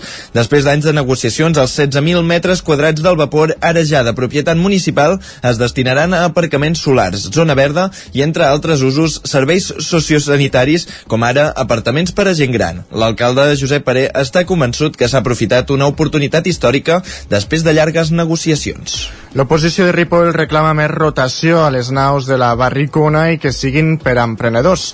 Isaac Muntades, des de la veu de Sant Joan. En el darrer ple, l'Ajuntament de Ripoll va aprovar per unanimitat la pròrroga de dos convenis sobre les naus números 3 i 4 de transició del polígon de la Barricona fins al 31 de desembre del 2025. Unes naus que actualment estan ocupades per les empreses Artesano Natural SL i Norfeus Lighting SLU. Tot i que el conjunt de partits del consistori van donar-hi suport, sí que van criticar la poca rotació que hi ha hagut fins ara a les naus, ja que es tracta d'uns espais industrials destinats a joves emprenedors i empreses no consolidades. El regidor de Promoció Econòmica d'Aliança Catalana, Guillem Barranqueres, va explicar que les dues empreses tenien previst traslladar-se als espais industrials de Can Casals, que encara estan en obres. Per això se'ls va concedir aquesta pròrroga de mig any més. El regidor de Somi Ripoll, Joaquim Colomer, va apuntar que s'havia de vetllar perquè aquestes naus acabessin en mans de joves emprenedors. crec que és millor que hi hagin empreses doncs, ja consolidades i que pas que estiguin buides, però sí que penso que estaria bé fer un sistema de publicitat d'aquestes naus, perquè si alguna d'aquestes doncs, en un, un moment que hi hagi una empresa que ja ha repetit durant anys aquests convenis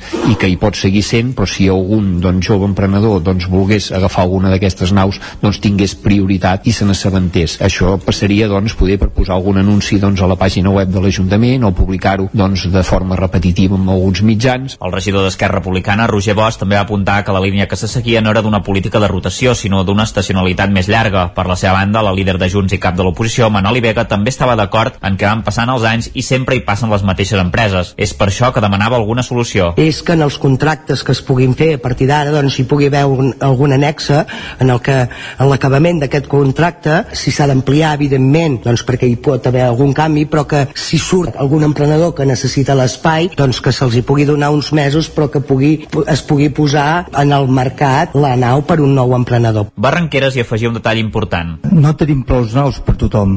Tampoc ens han demanat cap fins ara. I el que passa també que amb aquestes empreses que demanen pròrrogues tampoc es pots fotre fora. És el peix que es menja la cua. Eh, evidentment, el que diu el senyor Vega, jo estic totalment d'acord, ficar una clàusula, però si no poden marxar perquè no tenen l'altra nau acabada serà bastant difícil, encara que posis pròrroga, l'has de fotre fora. I això ho veig una mica... no ho sé. Cal dir que algunes d'aquestes naus estan ocupades des de l'any 2010. L'Ajuntament de Sant Feliu de Codines es marca com a objectiu reduir el percentatge que acaba a la fracció de rebuig. Roger Rams, zona codinenca. Sí, exacte. En el marc de la Setmana Europea de la Prevenció de Residus a Sant Feliu de Codines, un dels temes en què el consistori ha posat més el focus és en el fet de millorar les xifres de recollida selectiva. Actualment aquestes estan estancades al voltant del 60%, malgrat tenir implantat el sistema de recollida porta a porta des de fa més de 15 anys. En aquest sentit, l'alcalde de Sant Feliu, Pol Cabotí, apuntava aquest divendres aquí al territori 17 que un dels principals objectius del consistori, pel que fa a la recollida de deixalles, passa per recollir el rebuig cada 15 dies, en lloc de setmanalment com es fa fins ara, per tal que els veïns i veïnes separin bona part de la resta que acaba el rebuig. Escoltem l'alcalde Pol Cabotí.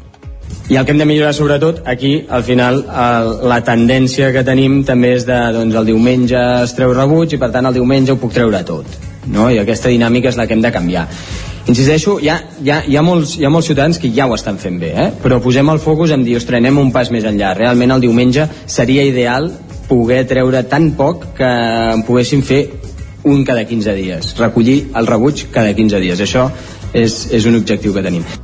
Aquest dissabte ha tingut lloc l'acte central de la Setmana Europea de la Prevenció de Residus aquí a Sant Feliu, que ha consistit en el que es coneix com una autòpsia de residus, una activitat que ha analitzat algunes bosses de rebuig davant el públic per tal de detectar residus que es poden reciclar i que acaben al contenidor gris.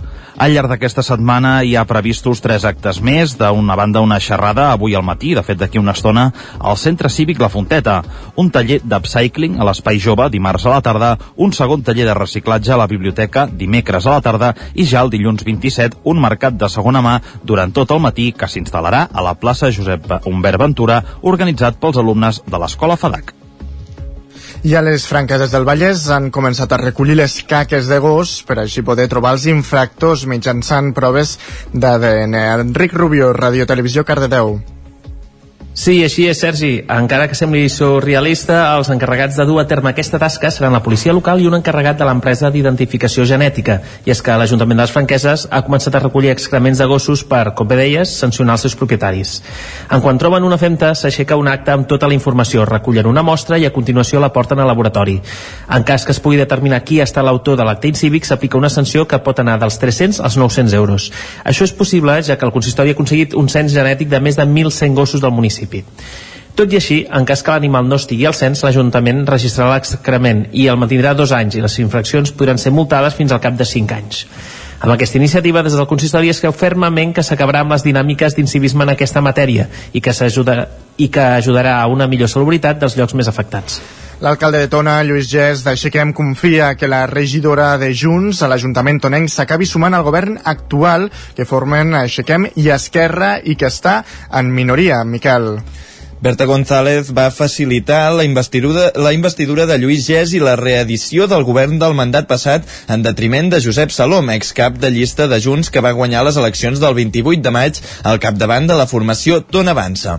De la relació amb Junts amb el govern de Salom en va parlar en una entrevista al Nou TV. però la veritat és que tenen una actitud proactiva de col·laboració, per tant jo estic molt content de com van les coses, ens trobem periòdicament, comentem temes, ens fan aportacions, per tant de moment està funcionant bé. Jo espero que en algun moment es puguin incorporar al govern que tindran portes obertes. De mica en mica anem llimant diferències que puguem asseure una taula i parlar de temes. Ells representen a bastanta gent, per dir alguna manera, per tant també els hem d'escoltar. També ha parlat sobre l'obertura d'un supermercat bon preu al centre de Tona. Creu que la seva arribada, si es treballa bé, no té per què ser negativa pel comerç local. Des de l'àrea de desenvolupament s'està treballant a Tona punt de comerç, amb el comerç, per, per tema targetona per fidelitzar clients, la zona blava com, com podem fer perquè bueno, faciliti que la gent vagi als comerços eh, se'ls està fent formació per treballar, aprofitar xarxes socials eh, compres telemàtiques cursos de formació, en fi, s'està apoyant i no té per què ser negatiu, jo crec que portarà gent i si es treballa bé pot ser positiu. El consistori treballa en l'elaboració dels pressupostos que preveuen presentar-los a la resta de partits durant el mes de desembre i aprovar-los al gener del 2024. Les jornades que aquest mes de novembre es dediquen a Miquel Martí i Pol, que enguany coincideixen amb el 20è aniversari de la seva mort, viuen tres dies dedicats a l'estudi de l'obra Martí Poliana. És el tercer col·loqui Miquel Martí i Pol, que se'n fa un cada 10 anys i que va començar dijous a la Universitat de Vic. Cada 10 anys els versos i paraules de Miquel Martí i Pol tornen a cobrar vida. Una cinquantena d'estudiosos del poeta rodenc es reuneixen per conversar a través de ponències, conferències i taules rodones sobre la seva vida i obra. És en el marc del col·loqui internacional Miquel Martí i Pol, que des d'aquest dijous se celebra a la Universitat de Vic. Aquest any celebren la tercera edició del col·loqui, coincidint també amb el 20è aniversari de la mort del poeta. L'objectiu és impulsar l'estudi de l'autor i de la seva producció en el marc del seu temps i context literari, cultural, social i polític amb la voluntat de continuar avançant amb el rigor acadèmic. Ho explica la, la directora de la càtedra Verdaguer, Maria Àngels Verdaguer. Destaquem una mirada transversal i polièdrica sobre l'escriptor, és a dir, la mirada d'ell a través de la traducció, de l'edició, de l'educació, de la música i, naturalment, de la literatura, a través de la literatura. Però no és un col·loqui exclusivament literari. Remarquem sobretot l'interès per estudiar les relacions d'ell, Miquel Martí Pol, amb altres escriptors o, o, o artistes, per exemple, estudiant els epistolaris o les influències d'ell als altres eh, els altres escriptors d'aquí i de fora i com se l'han apropiat l'amor, la mort, l'envelliment o la malaltia. El Rodenc posava sobre la taula temes que no caduquen i aquest punt precisament és clau per continuar interpel·lant els joves segons Jordi Larios de la Universitat de Sant Andrews. Crec que la gent que llegeix poesia és, eh, és molt poca, eh, però si el jovent d'avui en dia s'interessa per la seva obra, segur que l'interpel·larà, no? Crec que és un poeta que, que es fa llegir, és un poeta que, com et deia, s'entén, Um, és un poeta, a més a més, que diu coses molt interessants uh, sobre la seva vida, sobre la vida dels altres, sobre la vida de la gent normal i corrent. Les sessions d'aquesta edició es clausuraran a la seu de la Fundació Miquel Martí i Pol amb una conferència de Francesc Codina sobre el poeta en el context del seixantisme.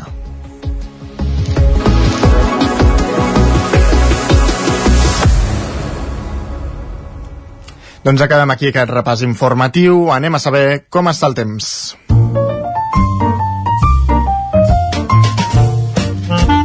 Casa Terradellos us ofereix el temps. Saludem de nou el nostre home del temps, Pep Acosta. Tornem a una codinenca. Bon dia de nou, Pep. Hola, què tal? Molt bon dia. Sol i encara força suavitat al migdia. Moltes màximes properes als 20 graus avui, eh? Migdies uh, força suaus a dir avui, migdia, força, força suau. A partir de la tarda, entra un front, entra vent de nord i canviarà el panorama. A partir de la tarda vespre pot començar a nevar a les nostres comarques cap al Pirineu, nevada feble que durarà eh, gairebé tota la nit. I també cap al nord de les comarques, Ripollès, Osona, hi pot haver una petita precipitació hi pot haver. El que està clar és la nevada. però fora del Pirineu les precipitacions eh, ja seran més difícils, més difícils de que caiguin i seran molt, molt escasses.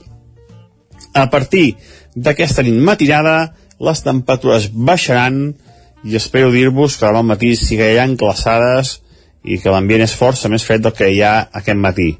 Però bueno, ja no fico amb el foc, ja no, ja no dic res, perquè igual tot els mapes canvien i, i igual no fa ni fred aquests dies però bueno, ja, és que estic ja bastant bastant desesperat en aquesta situació que estem tenint dia rere dia. I això és tot. A disfrutar el dia d'avui i recordeu, un dia tranquil fins aquest vespre, que entra un front de nord entra vent de nord i començarà a baixar la temperatura i a nevar a la zona del Pirineu Adeu, molt bon dia. Fins demà, Pep, i ara al Territori 17 és moment d'aprofundir sobre l'actualitat esportiva de les nostres comarques. Casa Tarradellas us ha ofert aquest espai. Ara mateix, un quart d'onze del matí.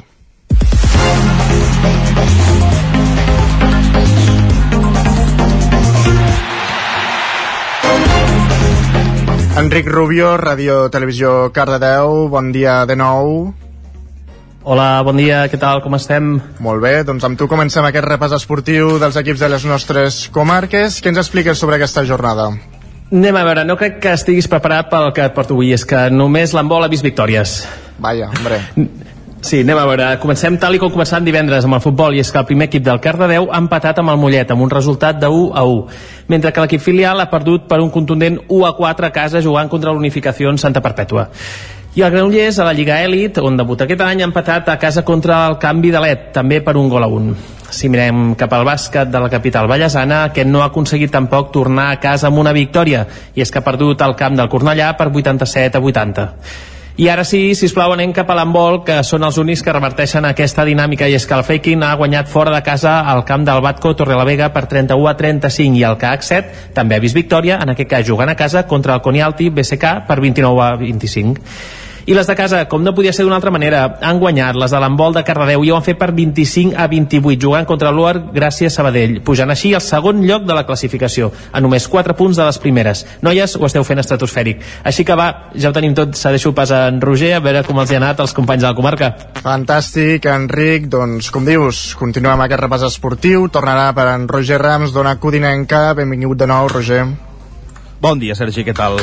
Fem fem una mica de, de repàs, va, com ha anat la Vinga, cosa som-hi. a l'entorn de Sant Feliu. Comencem, com sempre, pel futbol. A la primera divisió catalana, el Caldes va guanyar aquest dissabte per 0 a 3 en la seva visita al camp dels Roses. En aquesta nova, amb aquesta nova victòria, els calderins són cinquens a la classificació amb 16 punts a només 5 del líder, que per ara és l'Argentona. Més futbol a la segona catalana, el grup 4, el Sant Feliu ha sumat una nova derrota, en aquest cas per 5 a 1 al camp del Ripollet. Els codinencs no abandonen, doncs, la mala dinàmica amb la que han començat la temporada, ja que només han guanyat dos dels 11 partits que han disputat a la Lliga. L'equip, després de la derrota i de quatre jornades seguides sense guanyar, se situa últim a la classificació amb només 8 punts. I per tancar el capítol futbolístic a la tercera catalana, el Mollà va empatar a un a casa davant l'Aigua Freda. Els moianesos es mantenen novens a la taula amb 12 punts. Parlem ara d'hoquei patins, perquè a l'hoquei Lliga masculina el Caldes va perdre ahir diumenge a les acaballes del partit per 3 a 4 davant el Lleida. Els calderins van dominar el partit, però en el tram final dos penals pel Lleida i l'esgotament dels ballesans va decantar el partit pel conjunt visitant. El Caldes perd ara una posició i és 11 amb 7 punts. A l'hoquei Lliga Plata Nord, el Sant Feliu va perdre per 5 a 2 en la seva visita a la pista del Cerdanyola, el líder de la competició. Els codinencs es col·loquen setens a la Lliga amb 6 punts. I acabem, com sempre, amb l'hoquei patins femení. Alcaldes, a la desena jornada de la Lliga Nacional Catalana, va perdre per 4 a 2 a la pista del Mataró, mentre que les noies del Vigues i Riells també van perdre en aquesta jornada per 5 a 4 a la pista del Palau Solità i Plegamans. Fantàstic, gràcies Roger. Continuem aquest recorregut anant fins a Sant Joan. Allà hi tenim l'Isaac Muntades. Bon dia de nou, Isaac. Bon dia, Sergi, bon dia. Doncs mira, aquest cap de setmana tenim molta activitat esportiva per explicar-vos. Evidentment, començarem per la, per la mitja marató de Ripoll, que va reunir gairebé 600 atletes i en què es va imposar doncs, el letó Dimitri Sergogins en la prova reina de 21 quilòmetres. Uh, a més a més, va fer un temps bastant bo, d'una hora 6 minuts i, i 18 segons, molt a prop del rècord que té Nan Oliveres. I, i bé, uh, dir-vos també que el segon classificat va ser Carles Montlló i la tercera posició per un corredor d'aquí de Sant Joan de les Abadeses, en Marc Marc Guàrdia, que l'any passat ja s'havia imposat a la prova de, de 10 quilòmetres. En la categoria femenina va vèncer Míriam Ortiz amb un temps d'una hora 19 minuts i 19 segons, seguida de Rebeca Suárez i Elisabet Martín. En les curses de 10 quilòmetres es va imposar Miquel Riera del Club Atlètic Vic, eh, seguit de Blai Roca i Hugo Triguero. En dones va guanyar Sílvia Segura per davant de Laia Canals i Vanessa Verdaguer, i en la cursa de Bressol de Catalunya de 5 quilòmetres la victòria va ser per Roc Codina, del Club Atlètics Nou Barris, amb un temps de 15 minuts i 35 segons, i el van acompanyar al podi Martí Quer i Jordi Riera. En dones, Carmen Martín va ser la més ràpida, seguida d'Anna Rivera i Paula Casquero en una prova que va destacar eh, sens dubte per al bon temps que va fer i, i les altes temperatures impròpies de, del mes de novembre. En futbol, eh, l'Abadesenc continua líder del grup 3 de la tercera catalana després de vèncer per 3 a 4 al difícil camp del Sarrià de Ter, ja té 26 punts, 6 més que el seu principal perseguidor, la Mer. Es van avançar amb un 0-2 als Sant Joanins, amb un gol de Sofian de Cap i un de Lluc en rematar una pilota dins l'àrea. Muñoz i Delgado van empatar després d'aprofitar una errada al porter i diversos rebots. Marc Cabanes va rematar un servei de córner per fer el 2 a 3 i va fer ell mateix també el 2 a 4 després de driplar-se al porter i Archer amb un gol en pròpia porteria va posar emoció però ja no, no es va moure més el marcador i la Badesenc doncs, continua líder. El Camprodon es va imposar al Cornellà de Terri per 1 a 3 a domicili, Aniol va obrir la llauna amb un gol des de fora l'àrea pels visitants, Mondel va empatar i Lluc en finalitzar una bona, una bona combinació en dues ocasions va sentenciar el maig que permet als camprodonins enfilar-se fins al vuitè lloc de la classificació amb 16 punts. Qui també està en ratxa és el Camp de Bànol, que es va imposar al camp del Sant Gregori amb un solitari gol de Cristian en rematar de cap una centrada al segon pal de Maideu en, molt, en un partit de moltes ocasions. El Camp de Bànol ara és novè amb 14 punts i ja mira més cap amunt que cap avall. A la Lliga Nacional Catalana d'Hockey Patins, partit boig entre el Reus B i l'Hockey Club Ripoll, que va caure per un ajustat 6 a 5 i això que la primera part es va acabar amb 1 a 0 pel Reus, a la segona el Ripoll es va arribar a posar 1 a 4 però el Reus va aconseguir capgirar el marcador amb un 5 a 4, el Ripoll va empatar a falta 30 segons i a falta de dos es van portar la, la victòria a l'equip local. Van marcar doncs Pau i Oriol per partida doble i també Jaume. El Ripoll a setem 16 punts. I per acabar a la primera nacional de futbol sala l'escola de futbol sala Ripoll Servicat va golejar l'Egara per 2 a 10, tot i tenir només 5 jugadors disponibles. Els ripollesos van posar 0 a 4 ben ràpid, van marxar al descans 1 a 5, a la segona part eh, va reduir distàncies l'Egara, però el Ripoll va aconseguir 5 gols més. Van marcar Esquís, que va fer un uh, repòquer de gols, Zerri va fer doblet, també van anotar Germán, Lacal i el porter Jaume, per tant van anotar tots els jugadors de, del Ripoll en aquest partit i ara mateix doncs, té 6 punts i continua esclant a la classificació a falta de recuperar dos partits que té pendents. Doncs fantàstic, Isaac, gràcies. Acabem aquest recorregut a Osona, des del 9FM, Guillem Freixa, bon dia. Molt bon dia. Aquí a la comarca potser el gran titular que tenim és aquest uh, OK, el Voltregà, que ha guanyat dos dels tres partits disputats a Alemanya i per tant passa de ronda a l'Europe Cup. Sí, eh, exacte, un Voltregà que aquesta setmana afrontava competició europea en aquesta Wall Skate eh, Europe Cup. De fet, el Voltregà és l'actual campió d'aquesta competició, per tant defensava títol i ha aconseguit avançar a eliminatòria, avançar endavant en aquesta fase de grups que es disputava a Duisburg, a Alemanya. Eren tres partits en, en tres jornades, per tant, un ritme realment intens i, i elevat. Es classificaven els dos primers i el Voltregà podem dir que va anar per la via ràpida, eh, va aconseguir guanyar els dos primers partits contra el Lyon per 2 a 6 i contra el Walsum per 6 a 0. Amb aquestes dues victòries combinades amb els altres resultats del grup, doncs ja tenia el bitllet per passar d'eliminatòria, quedava un tercer partit contra el Murches eh, portuguès, eh, ja es, es presentava a priori el partit més complicat del grup, el Voltregà va acabar perdent 5 a 4, no va poder ser eh, líder d'aquest grup, però sí que aconsegueix aquest objectiu principal, que és el d'avançar en, la, en la competició europea. Ara ja arribaran a la fase dels eh, quarts de final i on serà eliminatòria pura, per tant, anada, tornada i en funció dels resultats s'acabarà aquí el, el camí o no, o avançarà el Voltregà, com dèiem això, eh? actual campió, vigent campió d'aquesta competició. Si et sembla, Sergi, avanço amb... Sí, anem a, amb hoquei repassar patins. a això, sí. amb la Hockey Lliga Plata, una Hockey Lliga Plata que aquest cap de setmana tenia com a partit, eh, podem dir, més destacat per la situació que arribaven els dos equips, eh, un Vic Tordera, tant els biguetans com els tordarencs arribaven pràcticament igual en la classificació, amb el mateix balanç de victòries i de derrotes, i en el partit disputat a l'Olímpic, el Vic eh, va guanyar de forma clara, 8 a 3, eh, dels de Ramon eh, Pardo, en un duel que es va desencallar en els últims eh, 10 minuts de partit, eh, com dèiem això, els biguetans amb molt encert en els metres finals van aconseguir eh, ampliar l'avantatge i acabar el partit sense patir i amb, amb aquest bon avantatge. En el mateix grup que els biguetans, aquesta Hockey Lliga Plata, grup Nord, eh, hi jugava també el Manlleu, també a casa, davant de la seva afició, i en el cas dels manlleuencs la victòria va ser realment còmoda 5 a 0 contra el Lubians, contra l'actual QE de la competició. Això sí, la primera meitat eh, les coses no, no semblaven tan fàcils perquè no hi havia encert per part dels eh, manlleuencs. Es va arribar al descans amb 1 a 0 i va ser en, el, en la segona part quan Que van rematar el partit. exacte, van acabar uh, fent la feina. I última pinzellada de l'Hockey Lliga Plata d'Hockey Patins i és el Taradell. Un Taradell que competeix en el grup Sud per tant en l'altre grup de la competició. Visitaven la pista del Barça Atlètic i en aquest eh, cas es van imposar per eh, 2 a 4 en el filial barcelonista, un equip jove carregat de, de qualitat i els taraddellencs que van fer bé la, la feina Repassem ara altres esports. Sí, si et sembla, el futbol. Teníem un, un xoc de trens, en podríem dir, aquest uh, cap de setmana, en la tercera federació masculina, i és que el Tona, que arribava com a tercer classificat, s'enfrontava a l'Hospitalet, segon. Per tant, segon contra tercer, un partit de, de primeríssim nivell de la categoria, el resultat que no va ser favorable als tonencs, van eh, caure per 1 a 2, això sí, competint fins l'últim moment, un hospitalet que s'avançava amb un 0-2 en el marcador, retallava diferències ja les acaballes eh, Moré amb l'1-2 però en la última mitja hora de partit els de Ricard Ferrés que van portar el domini del joc van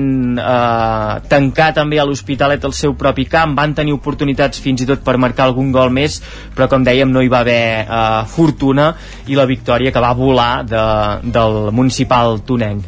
I ben ràpid faig eh, dues, dos apunts també de les eh, principals categories del futbol en la Lliga Elite aquest cap de setmana podem parlar sense cap mena de dubte d'exhibició de la Unió sí, Esportiva no? de Vic. Eh, realment un molt bon partit el resultat ja ho diu tot, un 0 a 4 al camp del Lloret.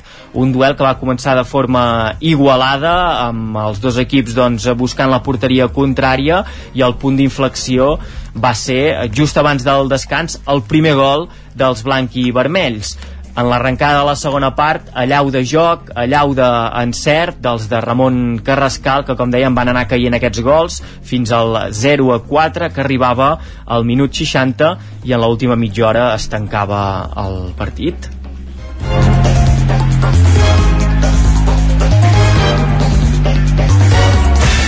El nou FM, la ràdio de casa, al 92.8. La qualitat de les teves impressions és important per tu? Estàs cansat que els colors i les imatges no surtin com t'esperes?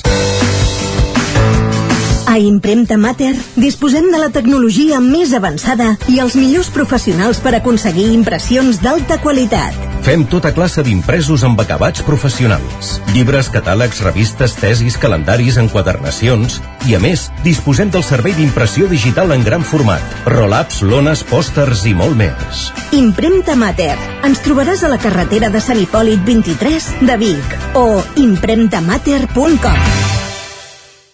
Situat en un entorn immillorable, envoltat de natura, a l'hostal restaurant La Guineu tenim la brasa encesa tot el dia per esmorzar, dinar o sopar a la fresca.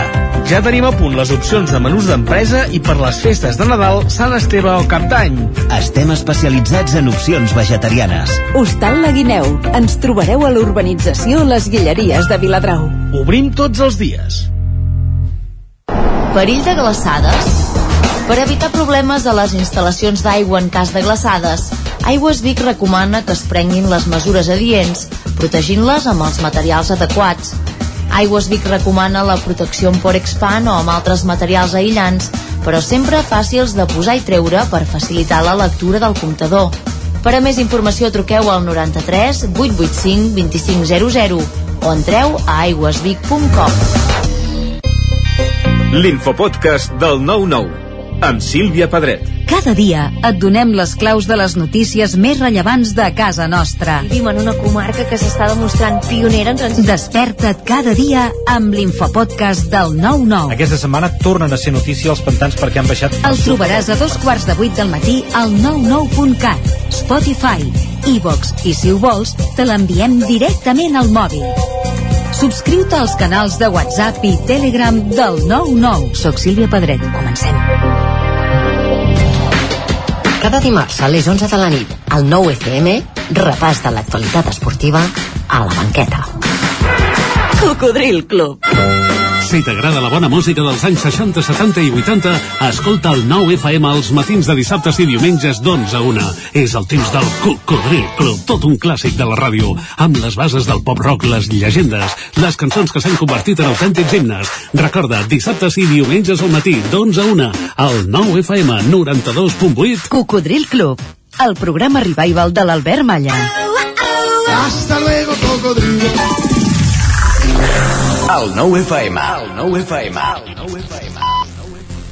En punt ara mateix, dos quarts d'onze, al territori 17.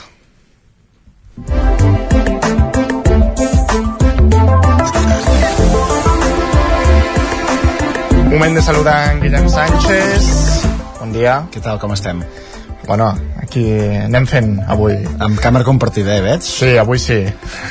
a veure, uh, Sánchez, què has trobat avui a, a Twitter? Doncs mira, gent que potser li costa llevar-se i que ja està pensant en què vindrà durant el dia un cop, un cop llevat. Per exemple, l'Eric, que ens diu si els dilluns us lleveu i el primer que penseu és en arribar a casa després de treballar per fer la migdiada, sou del meu equip. Bon dia. No sé si és la millor manera de despertar-se no, amb aquesta energia i amb aquests ànims, però bé, bueno. està bé tenir objectius durant sí. el dia també, eh? Va, i aquest matí en Pol potser no s'havia rentat la cara perquè li passés això. Ens diu, he anat a un institut a fer una reunió i el recepcionista m'ha preguntat si era el pare d'algun alumne. Diu, d'institut. Sé que pel matí faig mala cara, però tampoc cal ofendre la gent. Home, clar, si ets una persona de 25-30 anys, com has de tenir un fill que vagi a l'institut, no? Home, ets... Bueno, en fi. Coses, coses curioses, sí, va. I la Diana ens segueix ampliant la seva particular llista, ara que està a punt de venir una onada de fred, no? Em sembla, demà? Pot ser que s'acabi el món, també? No sé. Em sembla que s'acaba el món demà a nivell de, de fred que baixen temperatures, per bueno, tant... Ja, ja va bé que, que al novembre sigui fred. Correcte, no? i que et puguis posar una jaqueta i eh? uns guants i, i un buf. Doncs l'Ariana ens diu plaer número 17 de la tardor, llevar-te i encara amb el pijama posat, pujar les persianes i veure que està tot emboirat. Diu, fa fred, ja s'apropa l'hivern i ets feliç.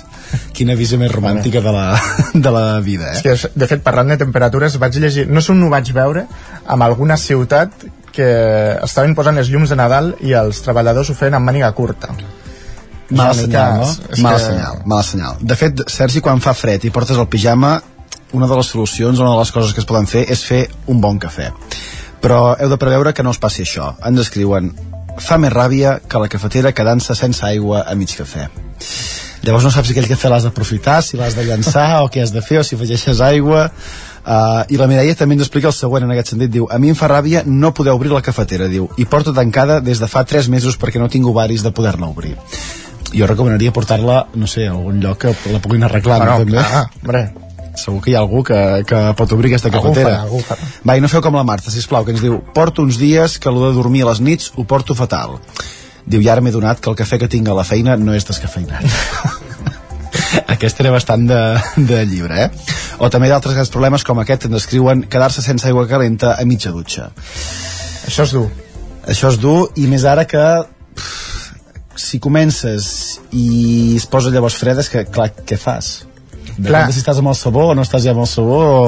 Clar, llavors t'has de treure el sabó d'alguna manera, o sigui, és a dir, has de... Has de trobar solucions. Has de tirar endavant. Va, i canviant de tema, crec que la nova alineació de Pedro Sánchez per tal de formar el seu govern va prenent forma també, aquests últimes sí. hores han anat sortint noms i, i gent confirmada. A la notícia que l'exalcalde de Barcelona, Jordi Areu, serà ministre d'Indústria, hi ha usuaris que en fan alguna aportació. Per exemple, la Marta, que ens diu crec que quan busques il·lusió al diccionari et surt aquesta notícia. És que de fet estem tornant a temps de, no sé, del 2000, què? 2008, 4, 8, 6... Mm, coses, coses curioses. Va, per exemple, també l'Albert que ens apunta diu avui s'està donant a conèixer el nou govern del PSOE i Sumar. Diu, és a dir, el nou govern del PSOE.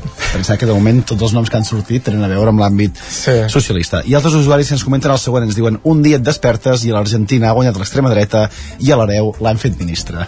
doncs vinga, va, tornem ja, com dèiem, al 2000, al 2008. De fet, alguns usuaris ens argumenten d'aquesta manera per xarxes, ens diuen a veure una cosa, si l'extrema dreta guanya eleccions és perquè hi ha gent que els vota diu, és a dir, que en aquell país hi ha una majoria de gent d'extrema dreta, és simple no sé on està la sorpresa ni entenc les lamentacions també és una anàlisi I de la mateixa manera, si es forma un govern entre cometes d'esquerres amb aquest país serà perquè la gent ho haurà votat. Correcte. No serà una dictadura. Correcte. Va, i acabarem amb una reflexió d'en Xavi que em sembla que molta gent podem compartir, així donem pas també a la tertúlia esportiva. Sí. Fa molta mala pinta la lesió de Gavi amb la selecció espanyola. Diu, parlen de pronòstic greu. És lamentable que els clubs hagin de pagar aquests peatges al Madrid. Li ha succeït també el mateix per partits enmig de la temporada. Diu, els clubs no haurien de permetre aquests partits s'haurien de fer a l'estiu. Jo també em sembla per això que si t'has de lesionar ho pots fer tant a l'estiu com a l'hivern i descansar una miqueta a la gent tampoc li, aniria malament. En tot cas, ho parlarem, ho parlarem ara. Gràcies, vagi Guillem. molt bé, Sergi.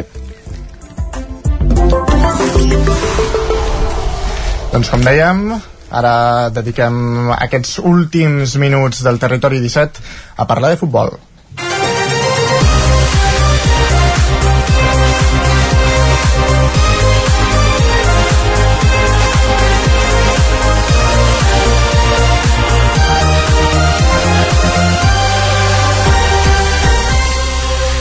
Doncs comencem tertúlia esportiva avui amb Lluís de Planell, Isaac Muntades i Guillem Freixa. Guillem, bon dia de nou. Bon dia.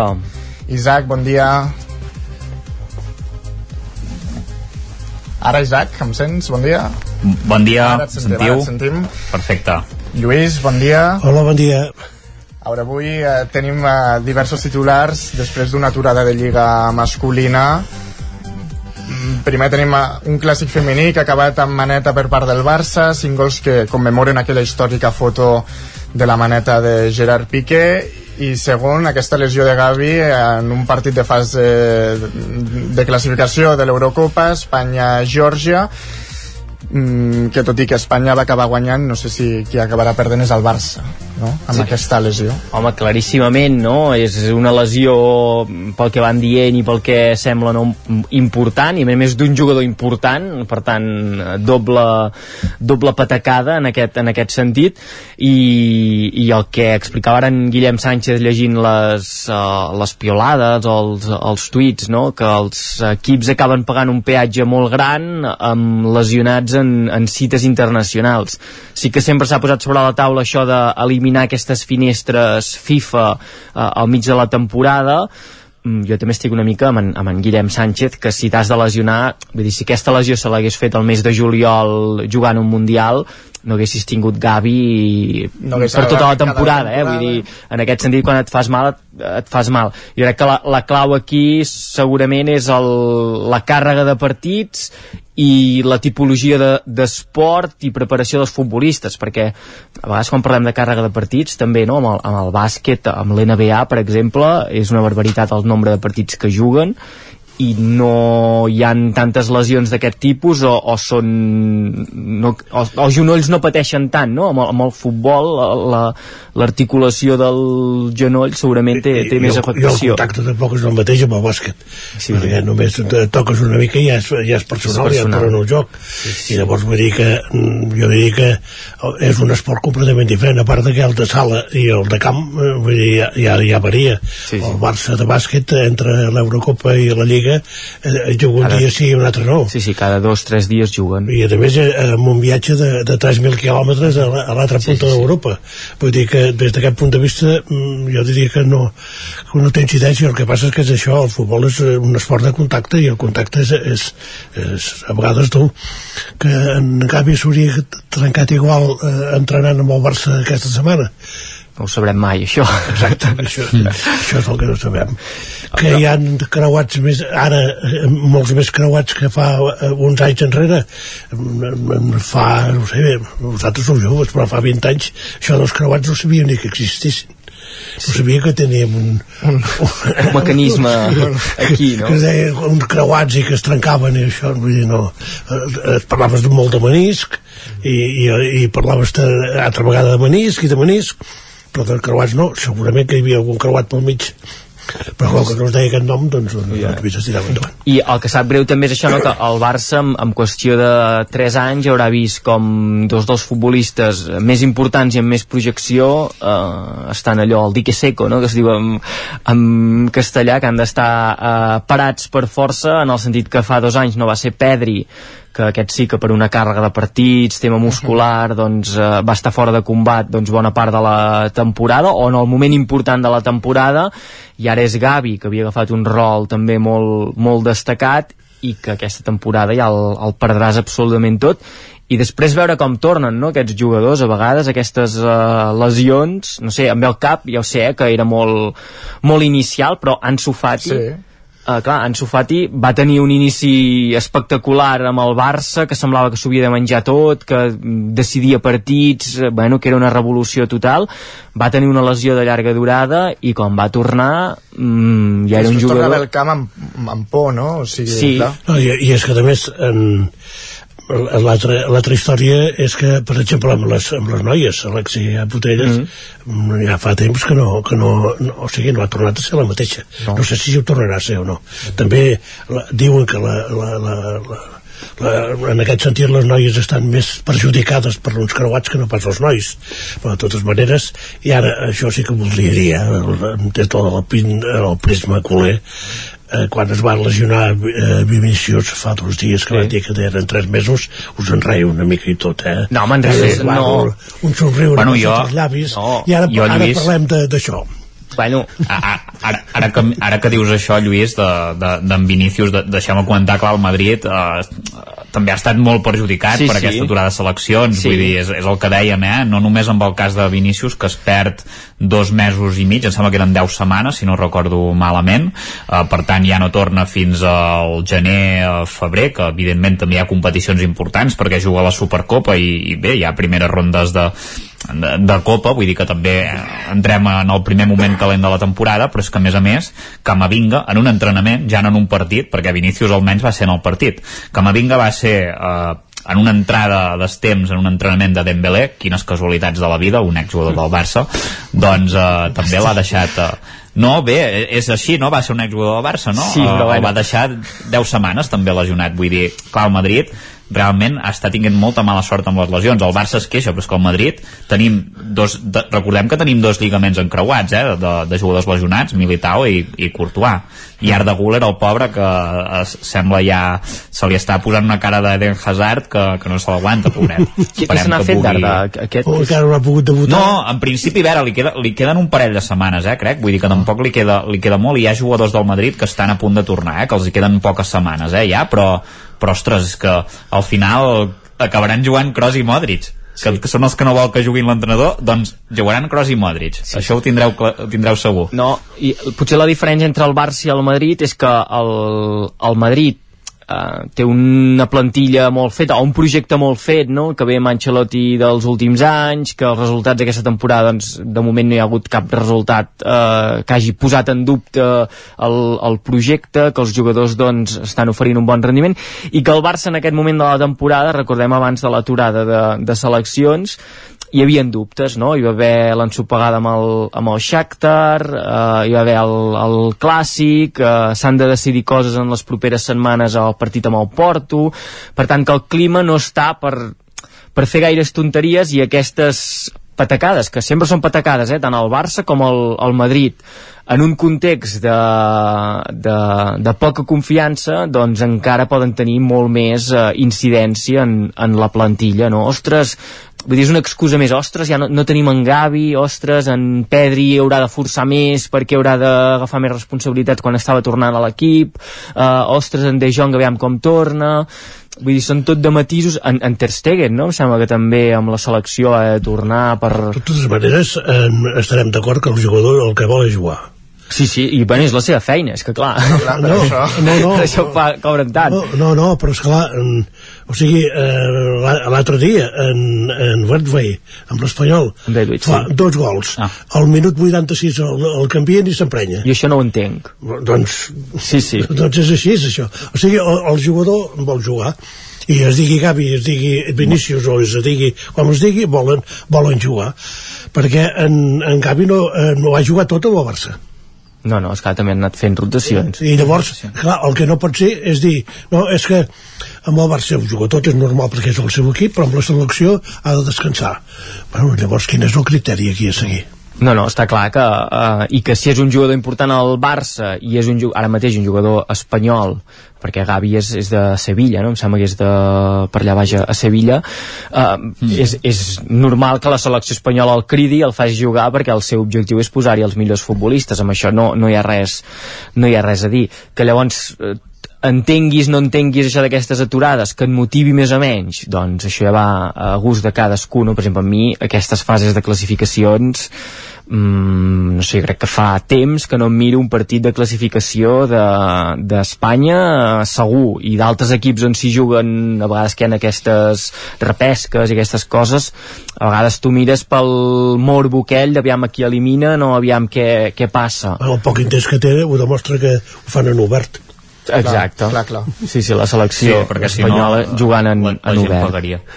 No, però jo, jo, fa, jo fa anys eh, que no dec mirar partits d'aquesta classificació perquè igualment tu ja saps que les...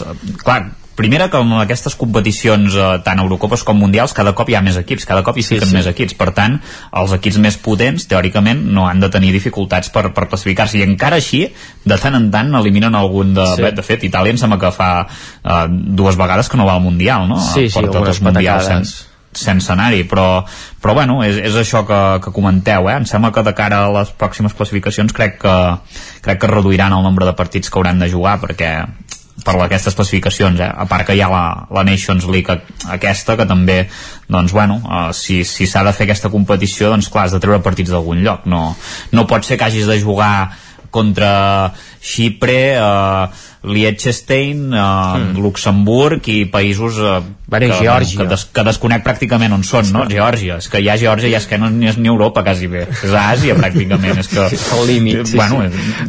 sí, sí. Home, no el treguis fora, tu. Sí, no, no. O sigui... Són fluixets, però... Però, però geogràficament estan més a l'Àsia que no pas a, Europa, pràcticament. Vull dir, és un, és un país que realment, bueno, sí, ja tenen dret a, a jugar a la classificació i tal, però, ostres, és que no hi ha... El grup d'Espanya era de riure. El, el grup d'Espanya, qui, qui hi havia de bo?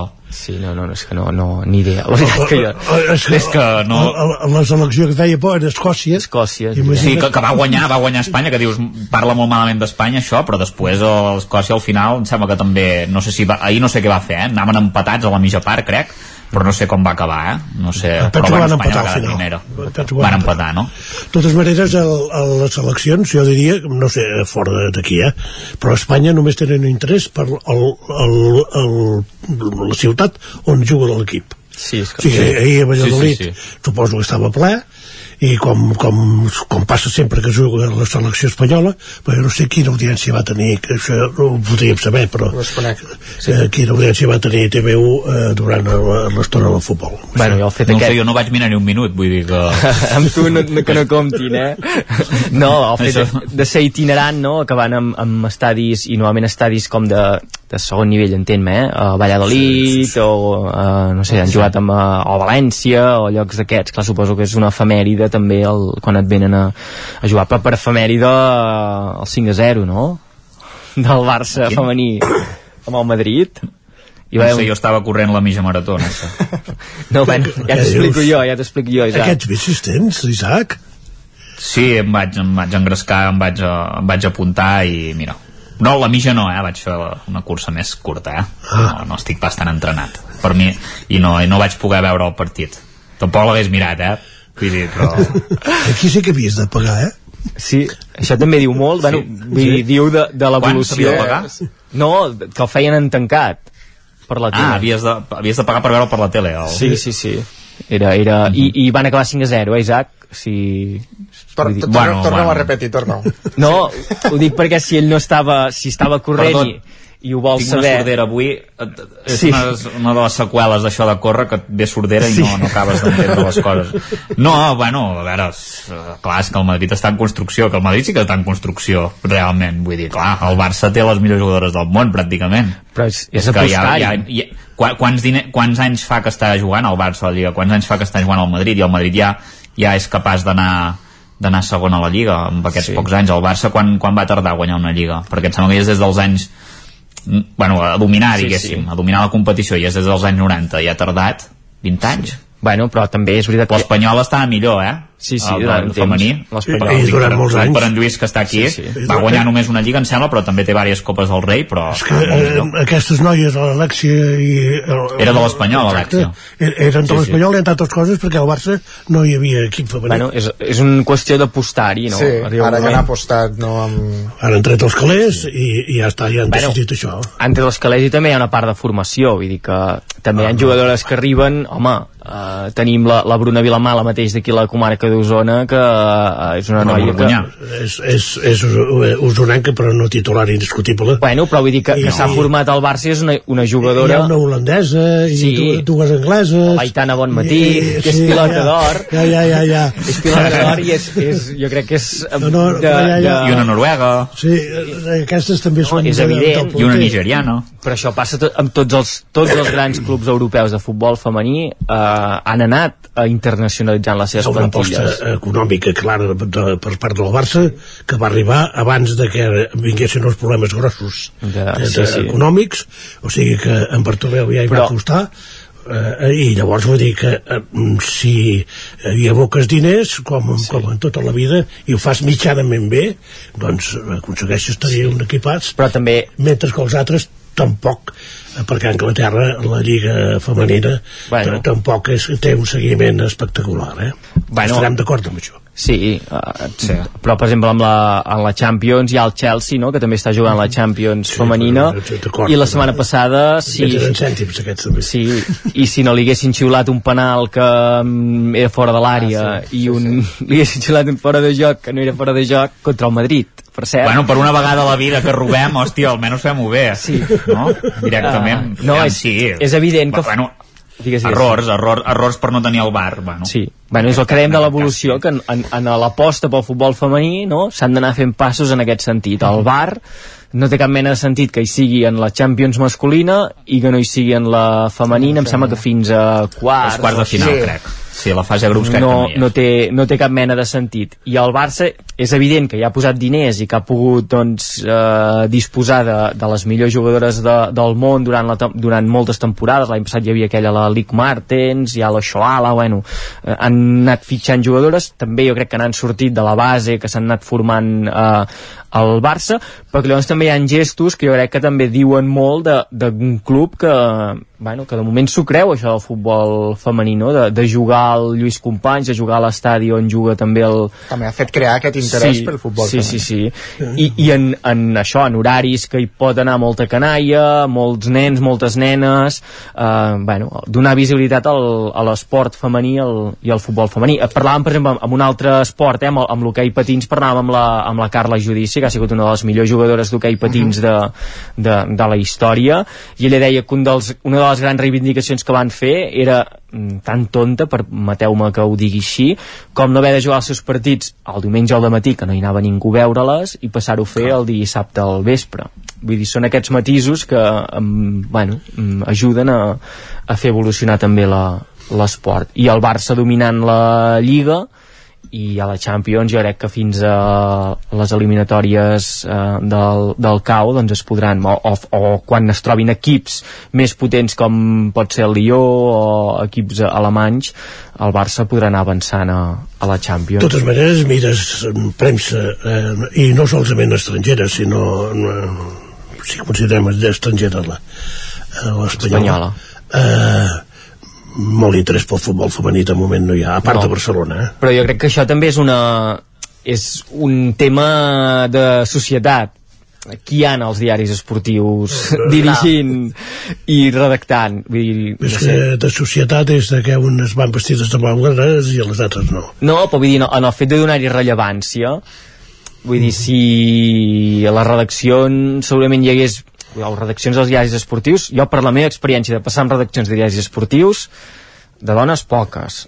Um, i l'esport femení durant ara sí eh, que hi ha aquesta consciència i que les noies han fet un gran esforç per uh, doncs reivindicar que el seu esport és tan professional i tan de qualitat com el dels, dels homes però que sempre es havia mirat com una cosa de segona en redaccions que estaven plenes de- Perdoneu, d'homes. perdoneu, però és que, aviam, el bàsquet femení, sí. eh, en, vas a la Seu d'Urgell i vas a Girona, sí, sí. I, i hi ha un nivell altíssim, de Altíssim. bàsquet femení, i fa molts anys. Però com que no hi ha el Barça, el Barça és a bueno, sí que és segona el Barça, eh? Ara, sí, ara, a segona el- el fila, Barça arribat, sí. doncs Sí, llavors, arribat. doncs, eh, eh, no, doncs no en parlem.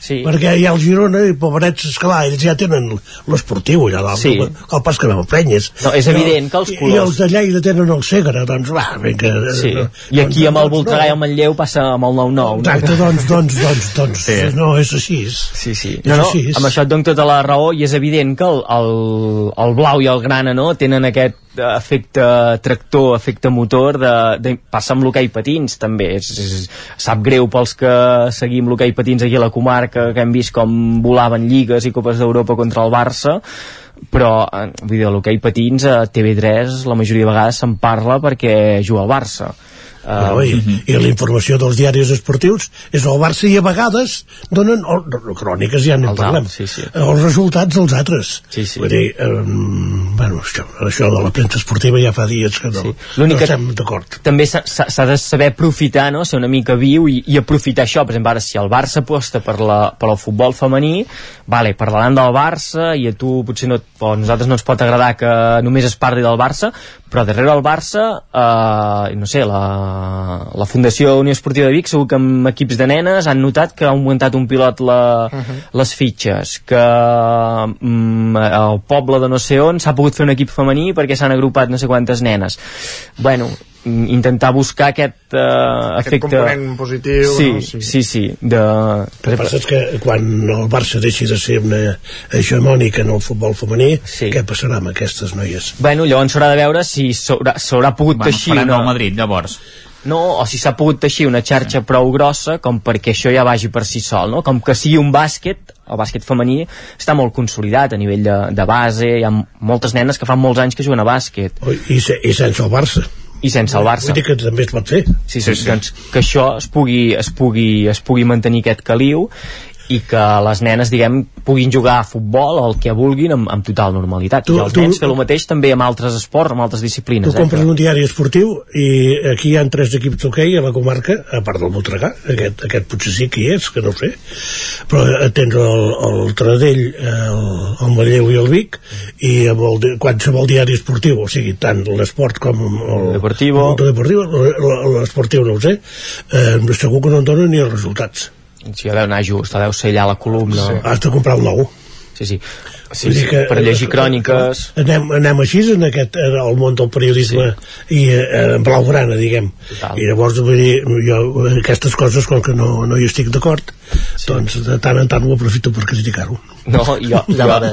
una part de la crítica jo te la compro, eh? Ja, ja ho saps que soc del Barça, però hi ha coses que tampoc no, no m'acaben d'agradar, eh? O amb categories inferiors, primera federació de futbol, eh, Esport 3 històricament sempre ha fet molt més el Barça que el Sabadell, que el Cornellà que eh, equips d'aquests. Vull dir que és, és evident és evident que genera un una atracció i que també hi ha un lobby periodístic a la capital que, bueno, que fa que tot aquest caldo de cultiu doncs vagi, vagi a més El que no sé qui, qui, qui dona ordres, perquè llavors parles amb, amb redaccions i resulta que de culers no n'hi ha tants com sembla.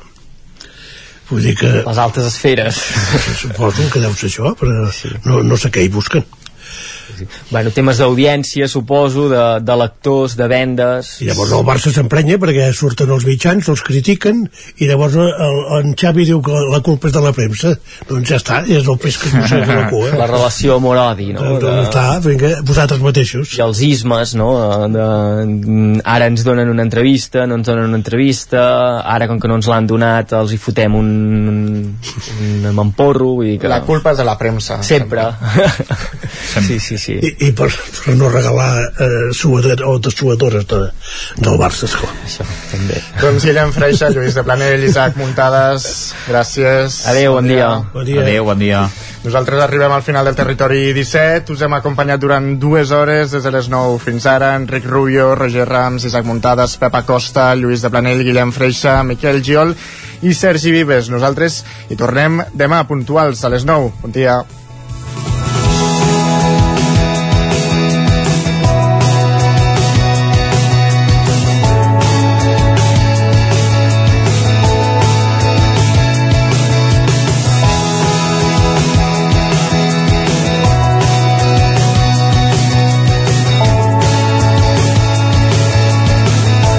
Territori 17, un magazín del nou FM, Ona Codinenca, Ràdio Cardedeu, Ràdio Vic i La Veu de Sant Joan, amb el suport de la xarxa.